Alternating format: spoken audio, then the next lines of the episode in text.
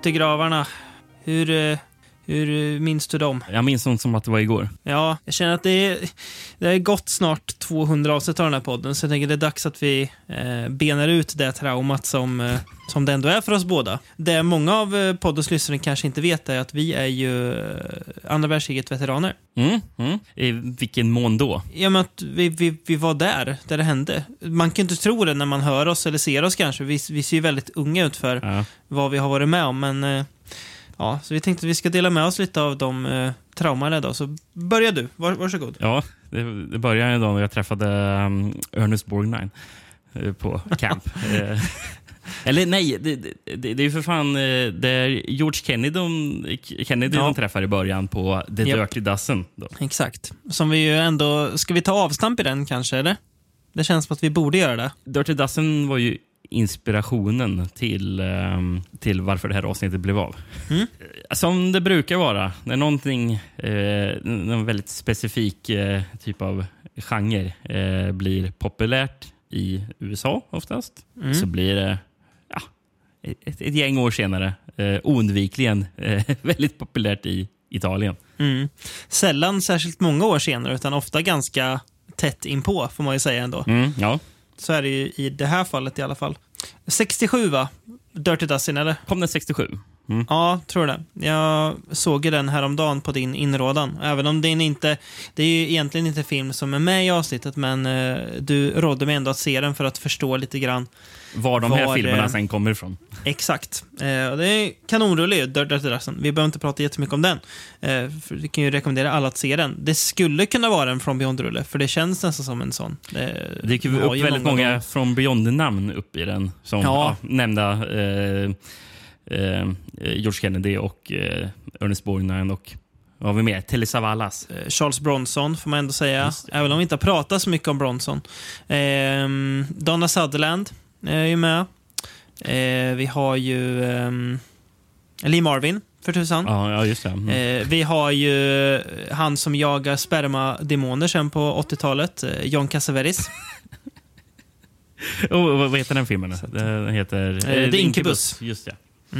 Yes. Så att, eh, ja, en sju jäkla ensemble i den filmen. Eh, det har ju de andra filmerna kanske inte riktigt lyckats skrapa ihop, men ibland är det ändå så här... Nej, men de har försökt. Ja, och det är ändå imponerande vilka namn man har fått upp i vissa av de här fallen. För det vi alltså ska prata om är ju då italiensk krigsfilm vore ju kanske fel att säga, utan arbetsnamnet på det här avsnittet har ju varit italienska snubbar på uppdrag.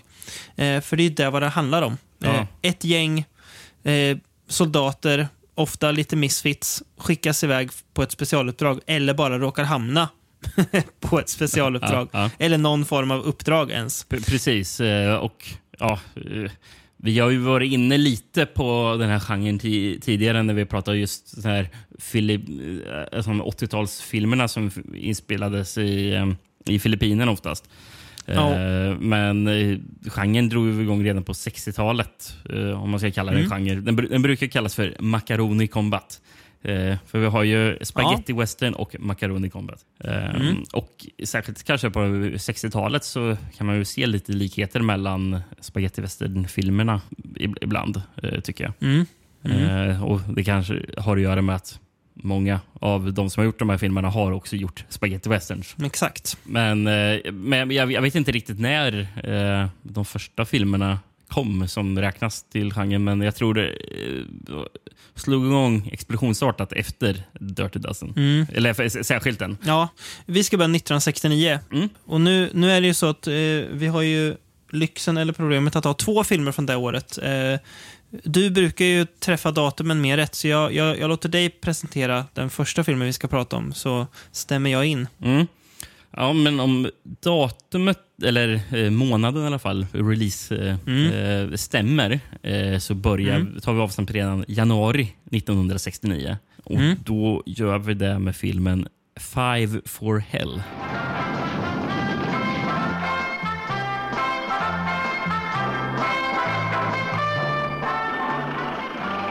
Cinque per l'inferno. Har du några fina alternativa titlar på den? Det känns som att det måste finnas. Jag vet ju att det finns en svensk. Ja, den svenska som du nämnde det är ju 50 i helvetet. Eh, väldigt rakt översatta. Ja. Eh, Men sen har jag ett par andra som inte är riktigt lika rakt översatta. Eh, Vi har ju Australien med Commando Specialists. Det låter rätt så generiskt va? Ja, lite för generiskt. Det skulle liksom kunna vara vilken... Det, det hade kunnat vara en av de här 80-tals eh, svettiga Filipino Warbus-rullarna. Ha- hade kunnat heta, heta så mer. Ja, Verkligen. okej. Mm. Och who knows, den kanske släpptes under den titeln på 80-talet på VHS. eh, det, det kan ju vara så. Det är sällan det står när de här alternativa titlarna kom till. Så det, kan ju Nej. röra, det kan ju röra sig om det. decennier efteråt. Mm. I Japan eh, översatte jag den till beväpnad man på slagfältet. Ja, det är ju liksom... Ja. Mm. det är, ju- det är någon, någon slags förutsättning för att en film ska utspela sig i krigsmiljö är ju att det finns beväpnade män på ett sl- slagfält. Så att, eh, ja, Eh, bra jobbat Japan. Ja, ja. Jag tycker det låter mer som mer av ett drama än vad det är i det här fallet. Mm. Också.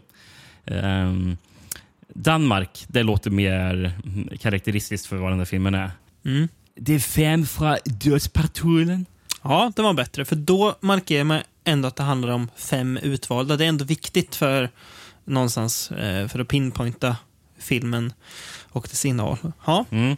Eh, på samma spår, eller liknande spår, ehm, Hongkong. Five Daredevil Commandos. Mm, den funkar. Eh, tycker du Finlands fun fun funkar då?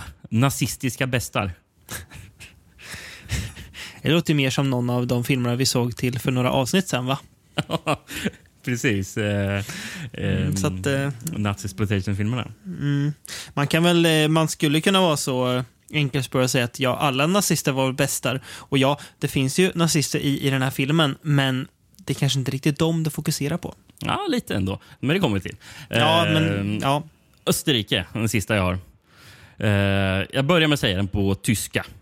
Uh, Mm. Översätter vi vad faktiskt är då. Todeskommando Pantersprung. ja, den är ju bra. Det hör man ju bara Allt på den har- tyska titeln. Där. Att den är hård, ja. Ja, eh, och det översätts ju till Dödskommando Pantersprång. Ja, det gillar jag. All, alltså, det är ju något, gjort här, just det här Todes som är hårt. Ja, ja. Som funkar, funkar väldigt bra. Det, där har de lyckats, tyskarna, får man säga. Eh, jag har faktiskt en liten tagline också som jag gillar. Mm. The Dirty Bunch are five for hell. Det, alltså den är inte fyndig, jag bara gillar den. Eh, Nej, men det är ju snyggt där att, att, de, att de har särskilt det lite. Att det inte är The Dirty Dozen, utan att The Dirty Bunch. Att det, är- ja, Ja. Vi har minsann inte 12 stycken i våran, så det här är absolut ingen rip-off. Nej. Ehm, ha, ha, har du den svenska VHSen eller? Jag hittade den svenska VHSen, eh, men baksidan bestod bara, bara av två meningar. Så jag kommer ändå köra en annan VHS. Eh, men jag, jag kan läsa bra. upp de två meningarna som stod på den svenska. Eh, VHSen för... Är det eh, Videotape Center? Eh, ja, det är det. Ja, VTC. Mm, bra. Hur visste du att... Ja, det, det får du veta snart. Okej, ja, spännande. Där står det i alla fall. Krigsfilm, men en berömd Klaus Kinski i en av rollerna. En film som man kan se om och om igen utan att bli tråkad. Mycket påkostad. Ja. Ja. ja. Alltså, väldigt kort. Eh, eh, den beskrev egentligen ingenting av filmen. Nej. Men jag gillar det att man påpekar att man kan se den om och om igen utan att bli tråkad. Ja. Eh, Mycket påkostad. på så sätt kunde man eh, kunde videouthyrarna hyra ut den ännu fler gånger för att folk tänkte att det här kan jag ju se flera gånger. Så den här hyr jag många gånger. Och Ja. jag blir aldrig tråkad. Ja, ja precis. Eh, det landet vi egentligen ska åka till eh, för VHSen, eh, det, det blir eh, till Holland. Ja. Kommer du läsa den på eh, holländska? Eh, nej, det kommer jag faktiskt inte göra. Det hade, det hade varit en ny nivå av eh, Välkommen till Rickards språkhörna, tror jag. Men eh, jag, jag, ska säga att jag hade inte gjort det bättre själv. För om det, om det är ett språk så här som man absolut inte skulle kunna härma, då är det ho- hol, ho, holländska. Danska kan man ändå göra ett ett 2 av 5 försök på, men holländskan, det jag, jag vet inte hur jag ska göra. Nej, nej det är Nej. svårt med... Eh, vad, står det? Det, det tredje Vereldorlog lopt ten einde mar het amerikanske läger direkt. Jag, jag vet inte. Du, du rätt norsk nu. till och med. När Ja, du skulle, ja. Men, ja. Norsk-holländare. Mm. Ja, vi, vi kör eh, den översatt på svenska. då. Andra världskriget håller på att ta slut, men US Army riskerar att fastna i Italien. Situationen är osäker och militärledningen måste till varje pris få tag på tyskarnas hemliga plan K. En speciell kommandogrupp monteras för att tränga igenom linjerna och stjäla planen från valvet vid det tyska huvudkontoret i Villa Verde. Villa Verde låter inte italienskt, för det var Italien och låter väldigt spanskt. va? ja, det gör det. Eh, jag vet inte. Gruppens medlemmar väljs utifrån en viss egenskap där det utmärker sig. En baseballspelare, en knivkastare, en sprängämnesexpert, en akrobat och en smällare. Ja. Så tillräckligt med kvalitet för att göra det särskilt svårt för tyskarna som är befallda av SS-överste Kasper. I denna spännande, ac- actionfyllda krigsfilm lyckligtvis får kommandogruppen oväntat hjälp av den vackra dubbelspionen Helga Ritter som arbetar i det tyska huvudkontoret och lyckas förföra överste... En, ja, jag vet inte vad det står. Teller? Beb, teller nej. eh, Med sina charmar kommer den, kommer den lilla gruppen specialister att lyckas överträffa den överväldigande fienden. Mm. Tycker jag är bra synopsis där ändå. Bra Mm. presentation av vad filmen handlar om. Eh, jag tänkte innan du och jag börjar prata om vad vi tycker om den så kan vi väl eh, se vad signaturen JL tyckte om den i Scandinavian Film Video. För jag har hittat en liten recension här, Rickard. Ja. Det är så jag vet att det är VTC som har släppt den. Vil- Vilket eh, år är det här från då? Den tidningen? Ja, jag har bara fotat sidan, så jag, men jag skulle gissa på att det är en, en eh, 81, en av de tidiga numren. Att, det- att den liksom ganska tidig VHS. Mm. Det ser ut så på... Jo, men det är ett av de tidiga numren. Ja. Eh, På, samma, på, på samma sida har vi också recensioner av eh, Foxy Brown som får en etta Oj ja, det var, det var hårt. och The Who-musikalen Tommy som får en fyra.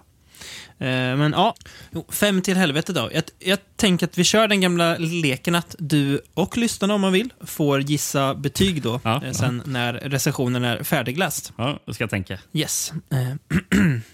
I denna underhållande krigsfilm har kriget kört om till en showplats för några mycket speciellt utrustade soldater. En akrobat med egen studsmatta, en expert på sprängämnen, en kan konsten att kasta kniv, i detta fall bajonett, och kaptenen för detta gäng har en baseball som innehåller en ståldank, ett mycket effektivt vapen. Deras uppgift är att ta sig in i det hårt bevakade Villa Verde, ett tyskt slott. Ja. Ja. Eh, och, ja, och där knycka viktiga handlingar i ett kassaskåp. För att ta sig in i slottet måste gänget utnyttja sina speciella egenskaper. Till exempel så måste akrobaten hoppa över ett sju meter högt elektriskt stäng- stängsel. Detta klarar han galant och hans volt högst upp gör inte saken bättre. Gör inte saken bättre. Nej. Ja. Eh, Detta är nämligen en film där åskådarna förutsätts applådera och jubla åt hjältarnas fantastiska stunts. Som sadistisk SS-major ser vi också Klaus Kinski. Vad mer kan man begära? Det är Faktiskt en bra fråga. Mm. En, en befogad fråga. Ehm, ja, jag tror den där får en fyra av fem. Jag hoppas att lyssnarna tänkte samma, för det är helt rätt. En fyra. Den lät väldigt positiv, den recensionen. Ja. Förutom det där med att, eh, att det inte blir bättre när han gör en volt. Men annars var det en eh, idel positiv Ja, men, det kanske, men det kanske inte blir bättre för tyskarna. Jag vet inte. Nej, det är kanske det han menar. Signatur JL.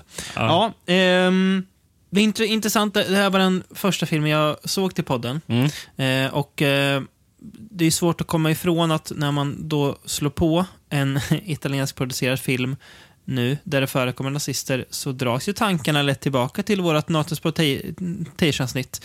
Eh, och då slår det mig lite grann att de här filmerna producerades ju ändå samtida med eh, Nato-exploitation-rullarna.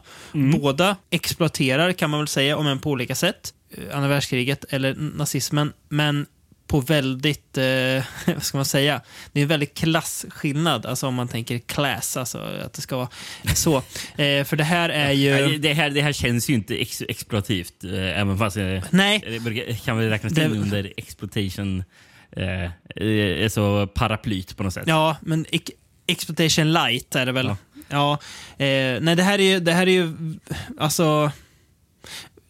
jag tycker det är så, så, så intressant att båda liksom de här polerna, på, som de, för de är ändå ganska lång- långt ifrån varandra, eh, produceras i samma filmindustri ungefär samtidigt. Mm. Eh, men är så himla olika. För det här är ju eh, alltså det här är ju en film som känns som att den kanske hade en bredare publik och kanske slog mer internationellt. Det Eh, lär för det ju varit. Det, Det här känns liksom mer som en vanlig sån, ja, eh, snubbar på uppdrag i krig-film. mm. Eh, det som kanske är lite italienskt på något vis ändå, det är att de här egenskaperna de har eh, är väldigt mm, udda. Jag tänker lite på, jag kommer ihåg, minns ju tillbaka till de eh, dagarna när vi bodde ihop och jag låg i soffan och tittade på när du spelade spelet eh, Desperados. Det är ju i samma liksom, spelserie som ett spel som heter Commandos, där Ja. man väl är Kanske inte, är man andra världskriget där eller är det Vietnamkriget? Nej, det är andra världskriget. Alla Det är commandos. andra världskriget, ja. Eh, det är lätt att tänka Commandos när man ser de här filmerna. Att det är liksom ett gäng som har varsin speciell egenskap. Och den här blir så himla tydlig att du gör det, du gör det, du gör det. Ehm, det är rätt kul. Jag kan ju säga att de, just de spelen är nog väldigt också inspirerade av eh, eh, just de eh, amerikanska eh, filmerna. Mm, det- man, man, man kan verkligen se bara, ja, nu är det kanske Dirty Dozen vi Mm. kommer gå in på. Eller, ah, det här känns väldigt kanonerna på Navarone. Eller det här känns väldigt mycket Örnnästet. Eh, Det, det ser man. Men ja, eh, jag, jag tänkte också på just den spelserien när jag kollade på de här filmerna. Gjorde jag. Eh, lite oundvikligt också. Det är som, ofta i de här filmerna eh, kommer vi se att karaktärerna har väldigt unika egenskaper. eh, som Mm. Ehm, ja, eh, och det, så är det väl i det här spelet också. Man har ett gäng Ja. olika. En är sabotörer eller sprängare som stod på den holländska väsen. Eh, men vad har de för egenskaper i den här filmen då? Ja, men det var ju lite det vi läste upp. Det är ju, men den mest framstående är ju han akrobaten som... Det känns ju inte så här jättelogistiskt enkelt att frakta med sin egen studsmatta. En Som trampolin dessutom va, är har, en- Eller? Ja, just det. Ja, jo, ja, det är det ju. Ja, faktiskt. Det är ju, ja, eh, ser ut som en cirkustrampolin. Eh, men ändå känns lite otympligt att ta med sig in i krig. Men det, det gör han och eh, ja, nog jäklar kan han ho- hoppa alltid. Eh, Mm. Men det är liksom, det känns så himla så här. Hur ofta kommer, kom, kommer de där färdigheterna till an, användning? Precis. Alltså, han, han har Ja. kanske den mest udda av de olika eh, egenskaperna. Ja, men, det- alltså, Ja. Det är kul att du sa den där cirkus trampolinen eller vad det var.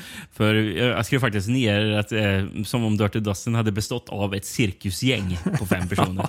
för, Ja, för för det känns ju lite alltså, som man, eller sån här, karnevaligt med han eh, ja. eh, den här killen som har en järnbase- järnbasebollen då, som man kan kasta. Mm. Eh, det är vår huvudroll va, som har den. Eh, han som är typ ledaren av Ja. gruppen. Mm. Spelas av John Garco, som han heter i den här filmen. John, Eh, han heter väl Gianni Garco egentligen, va? Eh, Gianni Eh, Garco. John Garco är väl Eller, taget. hans, hans riktiga namn var faktiskt eh, Giovanni Garkovic. ah, okej. Ja, eh, och sen så var väl Gianni Garco det han tog som artistnamn i Italien. Sen blev det John Garco eller Ja. jag såg hur roligt nog han också haft pseudonymen Gary Hudson. Gary Hudson. Eh, känner vi igen honom från något annat, eller? Han är huvudrollen i Night of the Devils. Ah, okej. Den, just det. Eh, ja. sen är han ju eh, med i... Ja, just det. Han är ju faktiskt... Jag tror inte han hade jättestor roll, men han är med i, i, i Kossis eh, Hercules-film. Den första av dem. Ja, okej. Eh, sen har vi inte pratat Kanske om den i podden någon gång, eh, men han är ju även med i eh, Fulci-filmen The Psychic. Um, fast me me mest känd är han väl för att han, eh, han spelade ju den här uh, westernhjälten Sartana i flera eh, filmer. Det är, han, det är han som är Sartana, alltså. Mm, det är det. Okej, ja.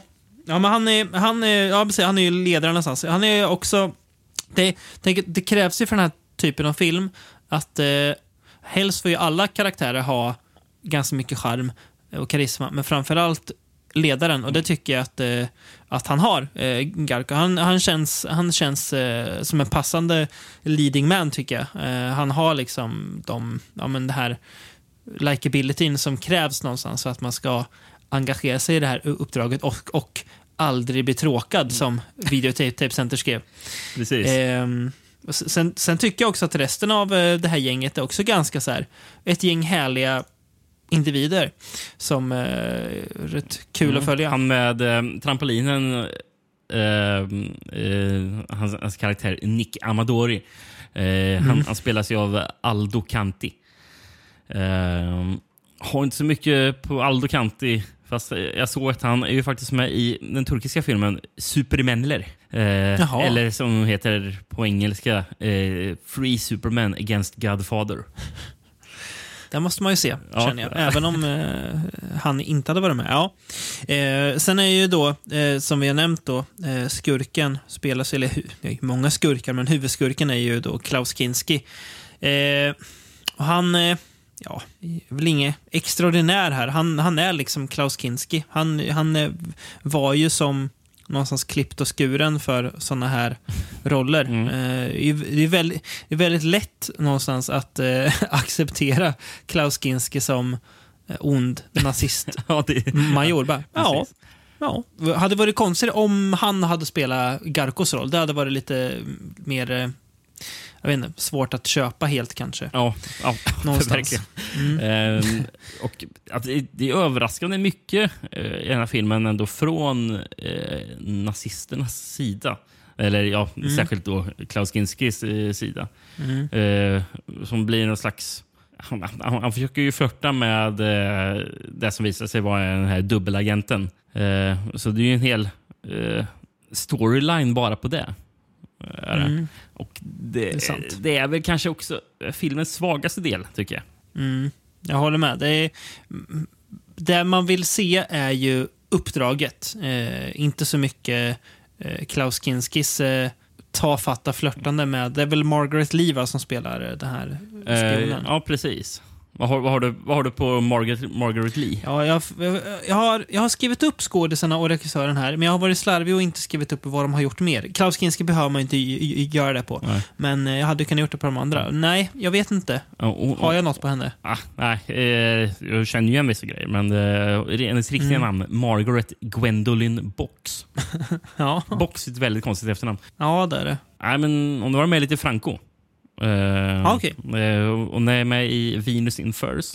Mm. Och den kanske inte jätte, så roliga filmen The Bloody Judge med Christopher Lee. Kan det ha varit typ den första Frankon du, du jag såg till podden? Det kan det faktiskt ha varit.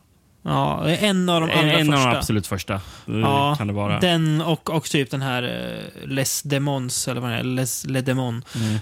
Men Bloody Judge kan vara för vi, vi, vi tänkte goigt att se Christopher Lee som en, eh, en ond domare. Men eh, ja, du, du frågar vad, hur, jag tyckte hon funkar i filmen. Ja, Alltså, jag, jag tycker väl inte... Det är inte så minnesvärt, men det kanske är på grund av att eh, det inte, just den storylinen var så icke minnesvärd. mm, mm. det Så- kan ju vara det. Jag, jag, nu när du frågar mig, jag bara, ja, vad tyckte jag? Jag vet inte vad jag tyckte om henne filmen, för jag minns Nej. knappt henne. Jag, jag, jag, jag, minns ju allt, eh, allt rabalder de andra karaktärerna eh, ställer till med. Mm. Det, det är ju faktiskt väldigt intressant också. Filmen börjar ju lite med sån här träning på basen, precis som i Dirty Mm. Eh, och en stor del av, alltså, alltså resten långt in i filmen, har filmen väldigt mycket, en väldigt, mycket, en väldigt humoristisk touch. Eh, bara, väldigt fan- lättsamt Ja, någonstans, jag- hela den här. Ja, man bara, jaha, är det en slags komedi vi tittar på Mm. med, med, med krig runt omkring? Ja, men, ja, men lite på samma här sätt som man kan få av eh, eh, mer westernkomedier eh, Mm. från Italien. Den känslan. Ja, jo, jag hå- håller med. Eh, Det är väl lite så här, tonen mycket i stort i filmen kan jag känna. Jag, jag sa ju förut att jag tycker att Klaus Kinski funkar bra som eh, ond nazist. Men jag känner ändå lite, lite grann så här, hade de inte kunnat gjort honom lite, lite ondare? Alltså att, att han har liksom fått, fått, fått spela ut Ja, ja, men, sadismen ännu mer på, på något vis. Ja. Jag, ja, Men- ja, men det kanske hade- känns som att... det kanske hade också passat bättre med eh, den lite så här, överdrivna tonen på allt annat med, med Ja. ja. galenskaperna eh, från, eh, från hjältarna. Då. Då, då kanske de hade Exakt. behövt ha en lite... Precis. Eh, en skurk som är lite... Over the top ond. Ja, ja men precis. Det, det, det, det tror, jag tror man faktiskt sa- saknar. Eh, jag tycker ju slut på, slu- slutet på filmen, eller så, är typ sista akten på filmen kan man säga. Eh, är är riktigt bra eh, när de väl kommer. Ja. För, de, för de ska infiltrera det här, den här villan. Liksom. Eh, Japp.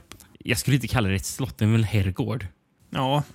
Ett gods, Ja, kanske rent ja, ja, men precis. Eh, och eh, för de ska ju brytas in där. Jag minns inte varför ska de brytas in där. Men det är väl det här, den här eh, planen K. Som Ja, just det. Så, så är det. Ja, mm. jätte, jätte, jättefarlig för de allierade. Just det, så, så var det. Mm. Ja, men, eh, så, vi, så vi får ju se hur de ska infiltrera eh, den herrgården. Då. Och sen bryter det ut en väldigt lång actionscen som är riktigt spektakulär. Eh, Är den. Mm. Exploderar som Mm. tu- tusan. Mm. Och, och, och allt det där tycker jag fungerar jättebra att göra. Ehm, och ja, det, det, det, det, kanske egentligen den här filmen som är mest lik eh, The Dirty Dozen i att man tar typ direkta typ scener från den. Mm. För Ja. det är ju allt det här egentligen i slutet när de ska bryta sig in i herrgården är ju som slutet på, på, på den filmen. Ja, för där är det också en, en herrgård. Eh, något Mm. liknande. Eh, så att, ja. Nej, men jag håller med. Slutet är bäst, för då är det liksom det är bra tempo, mycket pang-pang. Eh, då funkar också filmens den här lite putslustiga tonen bättre när det är liksom fart och fläkt. Och då, då, då köper jag någonstans att eh, han gör den där ak- Det är ju en väldigt rolig scen när han hoppar på sin lilla trampolin över stängslet och landar och i liksom landningen slår ner med nävarna och knockar två nazister som står väldigt bra placerade för hans hopp. Alltså- Eh, bry, bry. Att att den scenen är ju som något som hämtat ur eh, den här filmen Kommando Mengele. Ja, ja, men typ.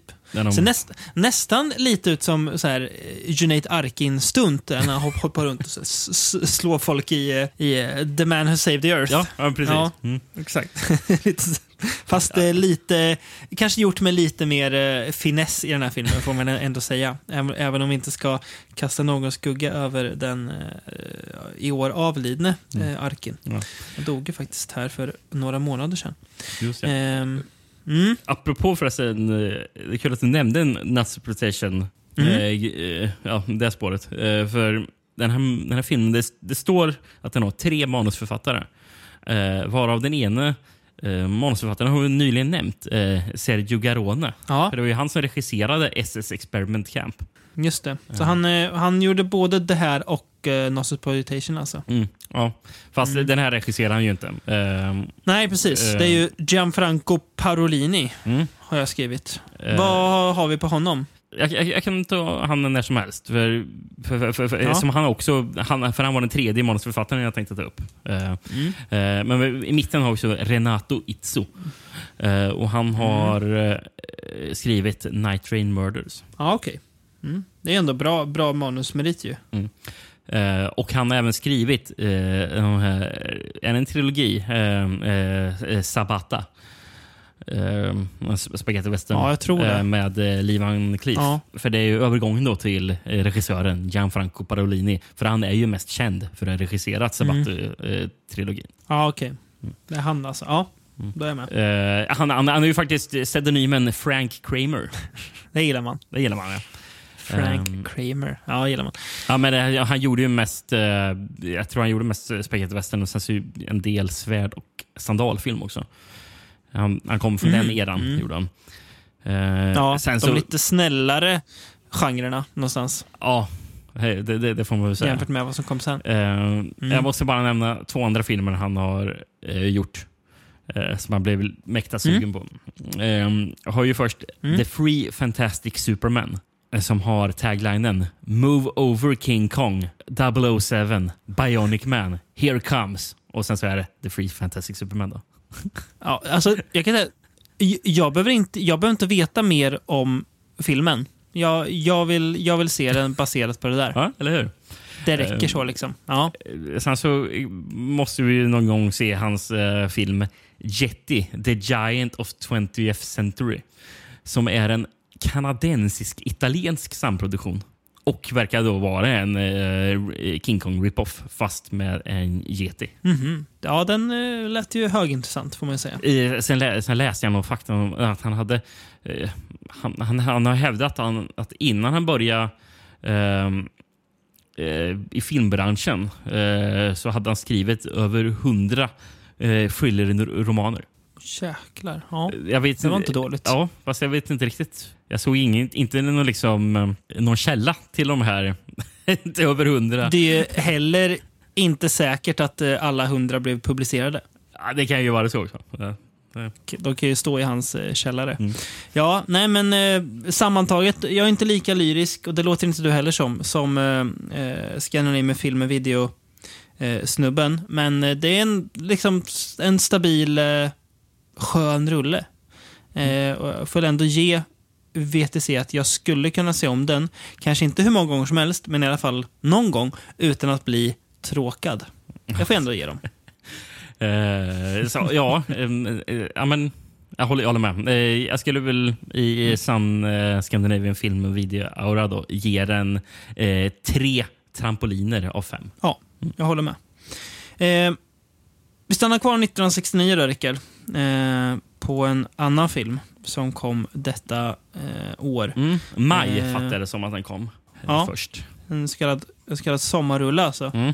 Vad har du skrivit att den heter? Vi se om vi har samma titel på den. Är, går- den går ju att säga på två olika sätt typ. Ja, precis. Jag har probability zero. Ja, jag skriver samma. Men ibland så står den som possibility zero. Ja, Jag vet inte vilken vilket ju är... Ja. Alltså det... det väl, de orden betyder väl inte riktigt samma sak va? Heller? Alltså det känns inte riktigt så. Nej. Som att det- prob- det- nej, possibility känns lite mer... så- Det är, det mer, det är mer sannolikhet, eh, känns det som. Mm. Och possibility, ja, det är möjlighet. Alltså så här, ja, Mm. inte, eh, men vi kan väl köra på probability zero, för den heter typ probabilita och så, ja, vad nu noll är på italienska. Precis. Jag kommer komma till det här med chans också, att, eh, alltså probability. Så jag, Mm. eh, jag tycker vi på Mm. den. Eftersom det kommer vi komma till eh, en titel sen. Mm. Men ja, och, och, och Br- Brasilien körde också, det blir översatt till sannolikt, för det är noll sannolikhet. Din chans är död. Mm, funkar. Frankrike, hjältar dör aldrig. Mm. Skulle, det skulle kunna vara vilken sån här film som helst, så Ja. att, eh, nej, Nej, det får de ge sig.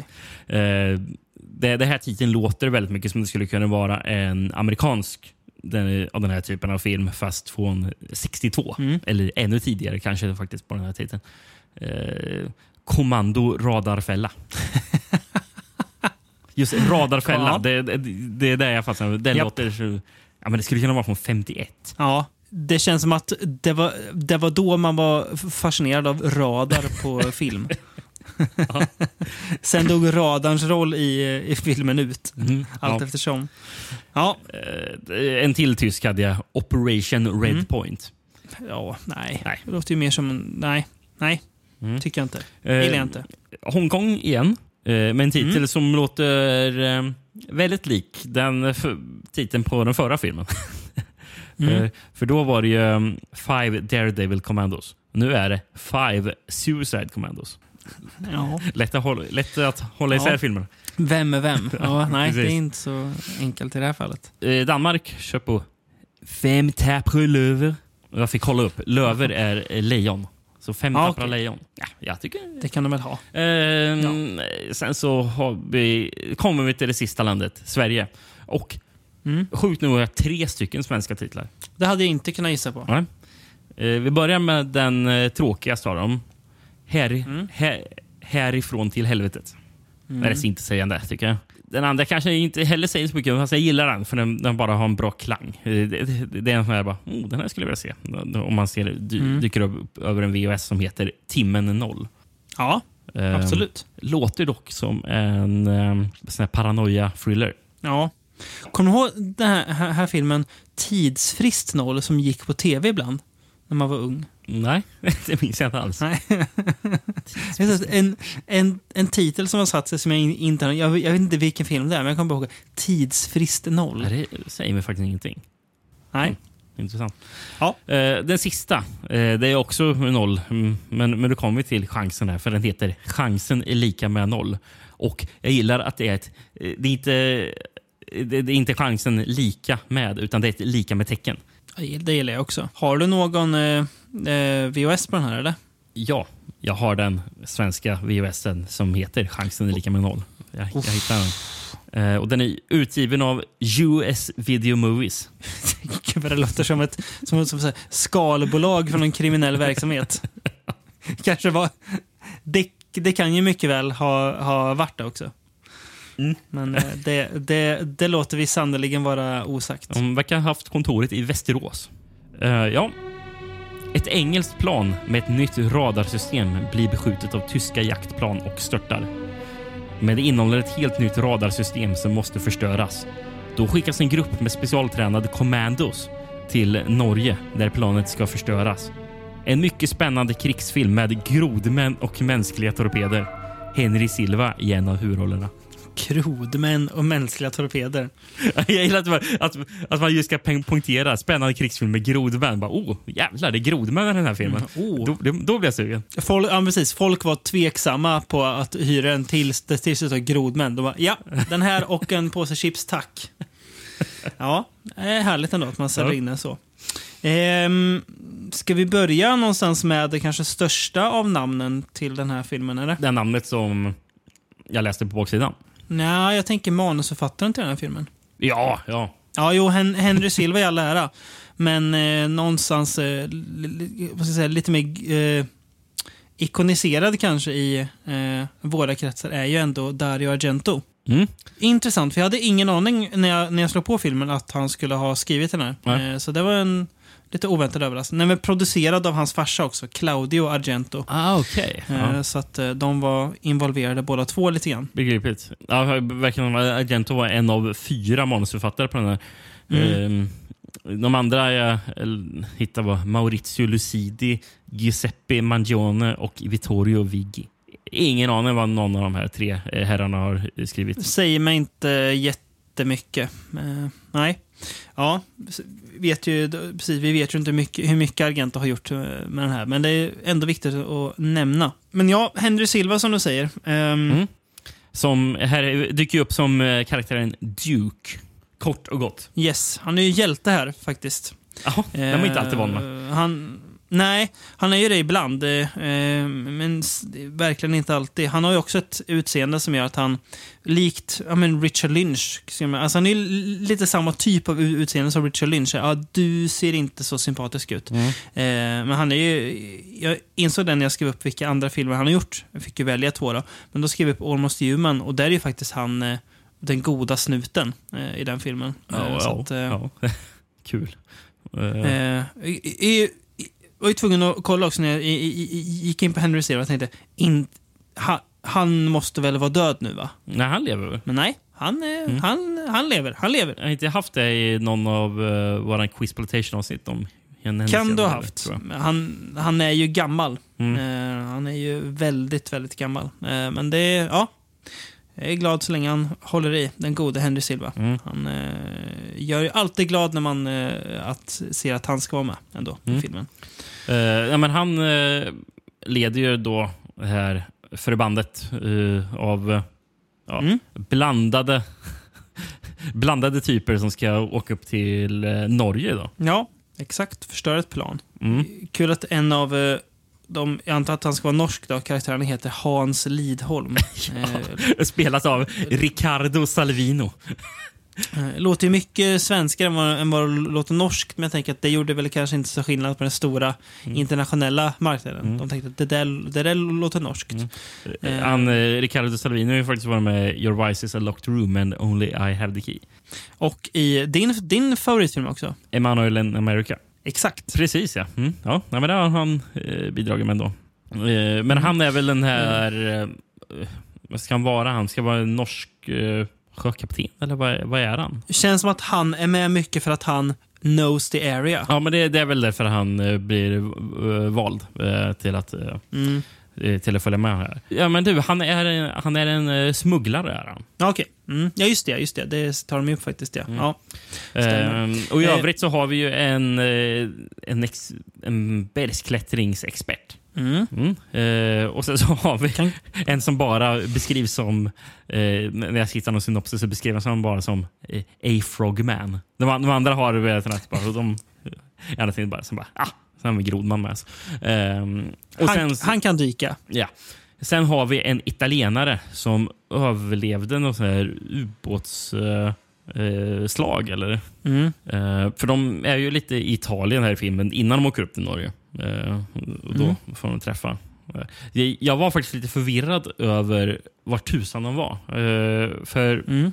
jag tror i början skulle det föreställa att de var i Norge. Mm. Det, det är någon, det är någon actionscen där. Är det. Mm. Och sen så är de plötsligt, då jag förstod som att de var i Italien. Grejen är att det, var, det som bidrog till förvirringen, eh, bara, ska, det, ska de Mm. vara i Norge i början? Bara, jag visste inte att Norge såg ut som Spanien. Eh, det, var, det var helt nytt för mig att, eh, det, var, att det fanns ett sånt klimat eh, någonstans i vårt grannland. Har du lyckats hitta var, var filmen är inspelad? Nej. För jag, jag, nej. Nej, men jag, jag letar efter det, men, men känslan säger ju att det är Spanien. Det kan ju även vara Italien. kan det vara. Men eh, just för den här första shootouten som är, miljöerna ser ut som att de är från en spagettivästern. Och de brukar ju ofta filmas, eh, filmas i Spanien. Mm. Och, och sen så tänkte, jag också, för sen springer de ut i en skog bara. Det här är inte norsk skog. Det här, det här ser ut som en väldigt sydeuropeisk skog. Lite som eh, att de i Pieces inte är i Chicago eller Boston-trakten, utan de är i Spanien. Ja. Ja, nej, jag håller med. Det ser, det ser inte ut som Norge. Och, någon, nej, och, och någonting som är verkligen inte ser ut som Norge. Det är när vi ser husen. För, för det är bara... Ja, det här, det här, är ju uppenbarligen Medelhavet. Ja. Väldigt sydeuropeisk look. Ja. Så, så därför var jag lite så här för, förvirrad och bara, var, var tusan är vi? Är, ska det verkligen vara vi är i Norge eller har jag missat någonting? Bara, oh, det, det är fan i Norge de är nu. Vi är i Norge. Ja. Jag tänkte mi- miljöerna ser lite ut som de gör i kanonerna på Navarone. Det ser ut som detsamma. Och det är väl typ utanför Grekland eller någonting de ska vara. Mm, Okej. Ja, eh, Jag, jag, jag, tycker, jag tycker det är väldigt in, eh, kul i alla fall att de är i Norge. Även fast, ja, Mm. upp, uppenbarligen inte är det. Men det är någonting man sällan ser. För, för, alltså det, är en, det är en spin på andra världskrigets film som kul att se nu, för den är väldigt oanvänd. det känns ju annars som att det bara är norrmännen själva som har gjort krigs, eh, som har gjort an- andra världskrigsfilmer som utspelar sig i Norge. Och de har ju snarare berättat det ur något slags kolla vad vi fick utstå synvinkel. Ja. Eh, eh, här är ju mer att, eh, ja, jag håller med. Det, det, det var det som eh, gjorde att jag kände mig väldigt lockad till den här filmen när jag fick veta vilka filmer vi, skulle se. Att den faktiskt skulle vara i Norge. Det var det som fick mig att välja ut eh, just den här filmen eh, till avsnittet. Jag var för att jag läste att den skulle ha den eh, han- handlingen när jag kollade synopsis. Mm. Men ja, alltså någonstans så... Jag, ty jag tycker att det är, det är en ganska trevlig film också. Eh, men jag kan inte säga nu när jag sitter... Jag, jag minns mindre av den här filmen än vad jag minns av Fire for Hell. Även om jag, när jag såg den, väl värderar den typ ungefär eh, på samma nivå. Ja, Ehm, ja, jag, jag gillar den faktiskt snäppet mer. Uh, Okej. gör jag. Mm. Eh, jag, tycker, jag, jag tycker det fungerar eh, bättre. Så det är mer fokus på, eh, på eh, alltså, det här Uppdraget. upp, uppdraget i den här. Och det gillar jag. Ehm, jag tycker Henry Silva också fungerar bättre i, som huvudrollen. Han kanske lite mer karismatisk. Eh, Ja, jo. Han har ju något. Sen har den jäkligt... Alltså den har, den har ju... Alltså de, den, det finns ju ändå en del minnesvärda grejer i den som jag tycker... Det, bara, oh, det, den, den, den, kommer, den här scenen kommer jag minnas. Eh, till exempel när de ska upp till... eh, När de typ landar... Eller landar... Alltså de kommer ju med en fiskebåt där väl. De, de åker upp från Italien till Norge. Mm. Eh, sen när de kommer till kusten så ser de är någon som kollar en kikare. Sen ser man långt borta. Nu kommer det någon båt med tyska soldater. Just det. Eh, när de Ja, kommer, just det. kommer Den- med någon ja. kanonskepp eller någonting. Kommer, inte kanonskepp, Mm. men, ja, men en liten det är någon som sitter med ett maskingevär i alla fall. Eh, Mm. Och, och Det är sån väldigt spännande, för, då, för, de, för, för de ska ju stiga på båten. Eh, Mm. eh, och, då, och då är det väl bara de låtsas för att de bara är två, två personer på båten. Eh, medan de andra Ja, eh, smyger ner i vattnet för att sen så ta sig runt eh, tyskarna och eh, Mm. göra ett bakhåll. Jag tycker det är en jättebra scen. Sen så har vi ju en eh, spännande bergsklättrarscen också. Mm. Och sen så är det ju bara en massa med, så, väldigt mycket action mot, mot slutet. Vi har ju eh, lite så här knivfighter, vi har eldkastar-action har vi. Och väldigt Mm. mycket explosioner. Jag, jag, men, jag gillar det här. Vi har, vi Ja, har, ju, vi, vi har ju en, eh, en, en, en, eh, tysk soldat också som får en harpun i magen. Den känns ju lite mer, generellt lite mer eh, seriös den här filmen. Alltså i, i, Mm, tonen. ja. Det är inte, inte, inte samma... Glättighet som det är i... Eh, Nej, precis. Eh, lite mer eh, allvar. Eh, någonstans. Det är mycket att det är inte någon som hoppar studsmatta rätt in i bakom fiendens linjer. Och, och den här Ehm, filmen hade också men, ett bra eh, soundtrack tycker jag också. Eller, jag, vet, Ja, jag, jag, jag jag, kan inte säga att jag minns någonting av soundtracket från den förra filmen. Så jag kan inte säga om det var bra Nej. eller dåligt. Men eh, det här var ju faktiskt riktigt bra vara av eh, Mm. eh, Carlo Rustichelli.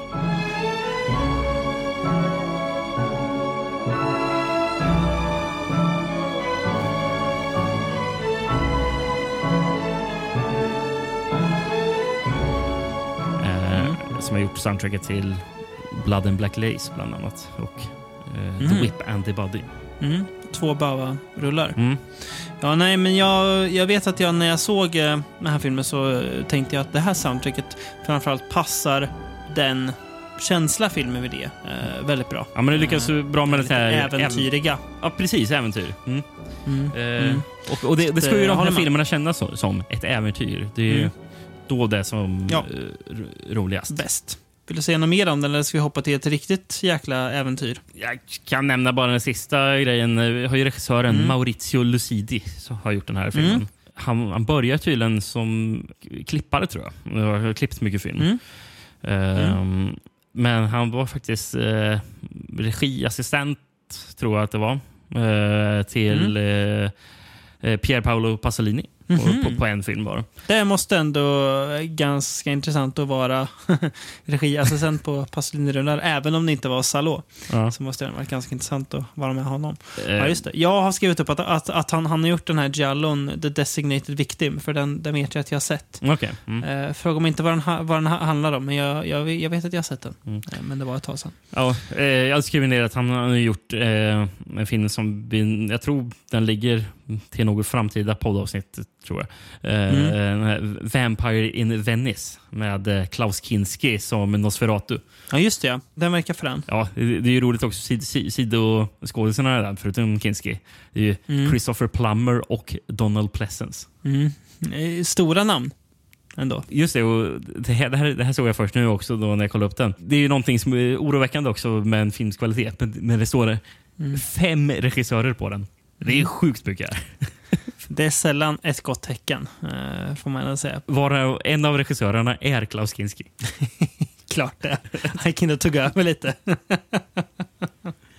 ja, ja ehm, från eh, ett eh, ganska tydligt formulerat eh, uppdrag i en film då, till eh, en film där eh, det inte är något direkt uppdrag att ge sig ut på, utan det är mer bara shit happens. Och vi är along for, the ride. Eh, det här är väl den filmen kanske som flest känner till, skulle jag gissa på. Det Eh, lär det nog in- vara. innan. Också enda filmen som båda vi har sett innan Mm. eh, avsnittet.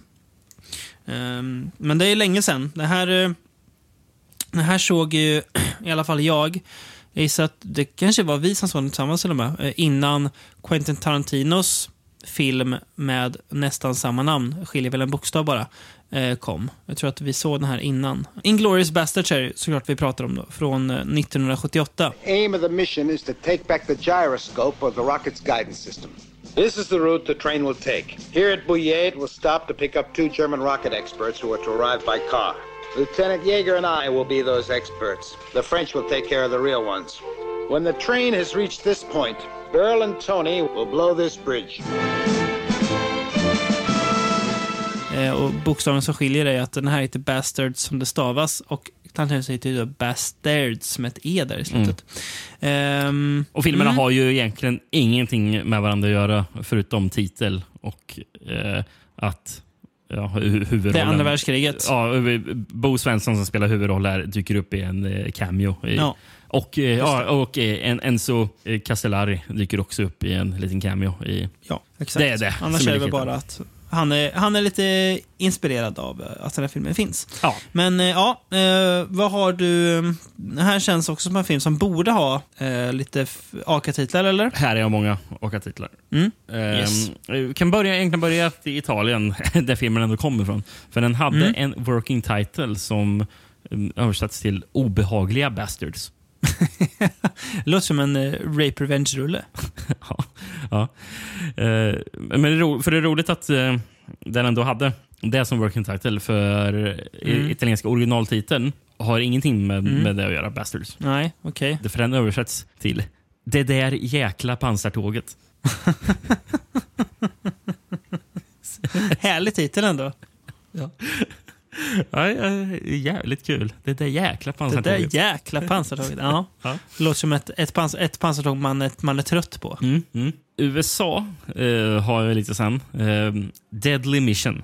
Inte sägande. Ja. Sen har vi Hells Heroes. Intressant med tanke på... Ja. Ja, vi kommer till det sen. Eh, Ja. Counterfeit Commandos. ja. Nah. Nej. Mm. Nej. Sen har vi ju en tidigare som är väldigt kul. G.I. Bro. Vilket faktiskt, Ja. eh, jag har, lite, jag har en bakgrund till eh, varför den heter det. För det är en nedklippt version av den här filmen. Eh, avsedd för att letas in på Blaxploitation-marknaden. Där man har då lagt fokus på Fred Williamsons karaktär, då får man väl anta. Eller- bara så. Bro. G.I. Ja, det var kul faktiskt. Mm. Den versionen skulle man ändå vilja se och jämföra eh, den klippningen vi har sett med. Jag skulle egentligen vilja kolla upp om det finns en någon eh, sån här handmålad affisch som ser ut som i i Blaxploitation-stil. Mm. Det hade varit För, eh, ja. Ja. ehm, mm. Hade du fler titlar? Finland med pansartåg till helvetet. Som de tog vara på eh, italienska här. Mm. Fast med en liten egen twist. Mm, den var ändå bra. Den, eh, den, den gillade jag. Filippinerna, eh, det, låter kul för den är så rakt på sak. Och jag fattar, det här är inte översatt utan jag tror den hette så här eh, med den engelska titeln. The Dirty Bastard. Mm. Sen har vi Norge här. Som körde på en engelsk titel också. Commando Bastards. Commando Bastards. Ja. Och, och här blir det väldigt roligt. Eh, för vi kommer testa på lite olika siffror. Um, hur, hur, vet du hur många de är, de Inglour- Inglourious Basterds i den här filmen? Minns du det? Mm, jag tänka. Är de sex stycken eller? Ja, är, är de det? Är de inte fem eller? Fem Ja, eller fem sex? eller sex Ja. Eh, Ja, För den mm. indiska är The Dirty Seven. Okej. Så många är det ju inte. Nej, det där är inte. Men jag Nej. kanske ska eh, spela dem till eh, The Magnificent Seven, eller Sju samurajerna. Mm. Eh, Ja, jo. Portugal, det, det drog man av en siffra för det, då är det sex strålande rackare. Strålande rackare. Ja. Ja. Och i Slovenien körde man på fem av de döda.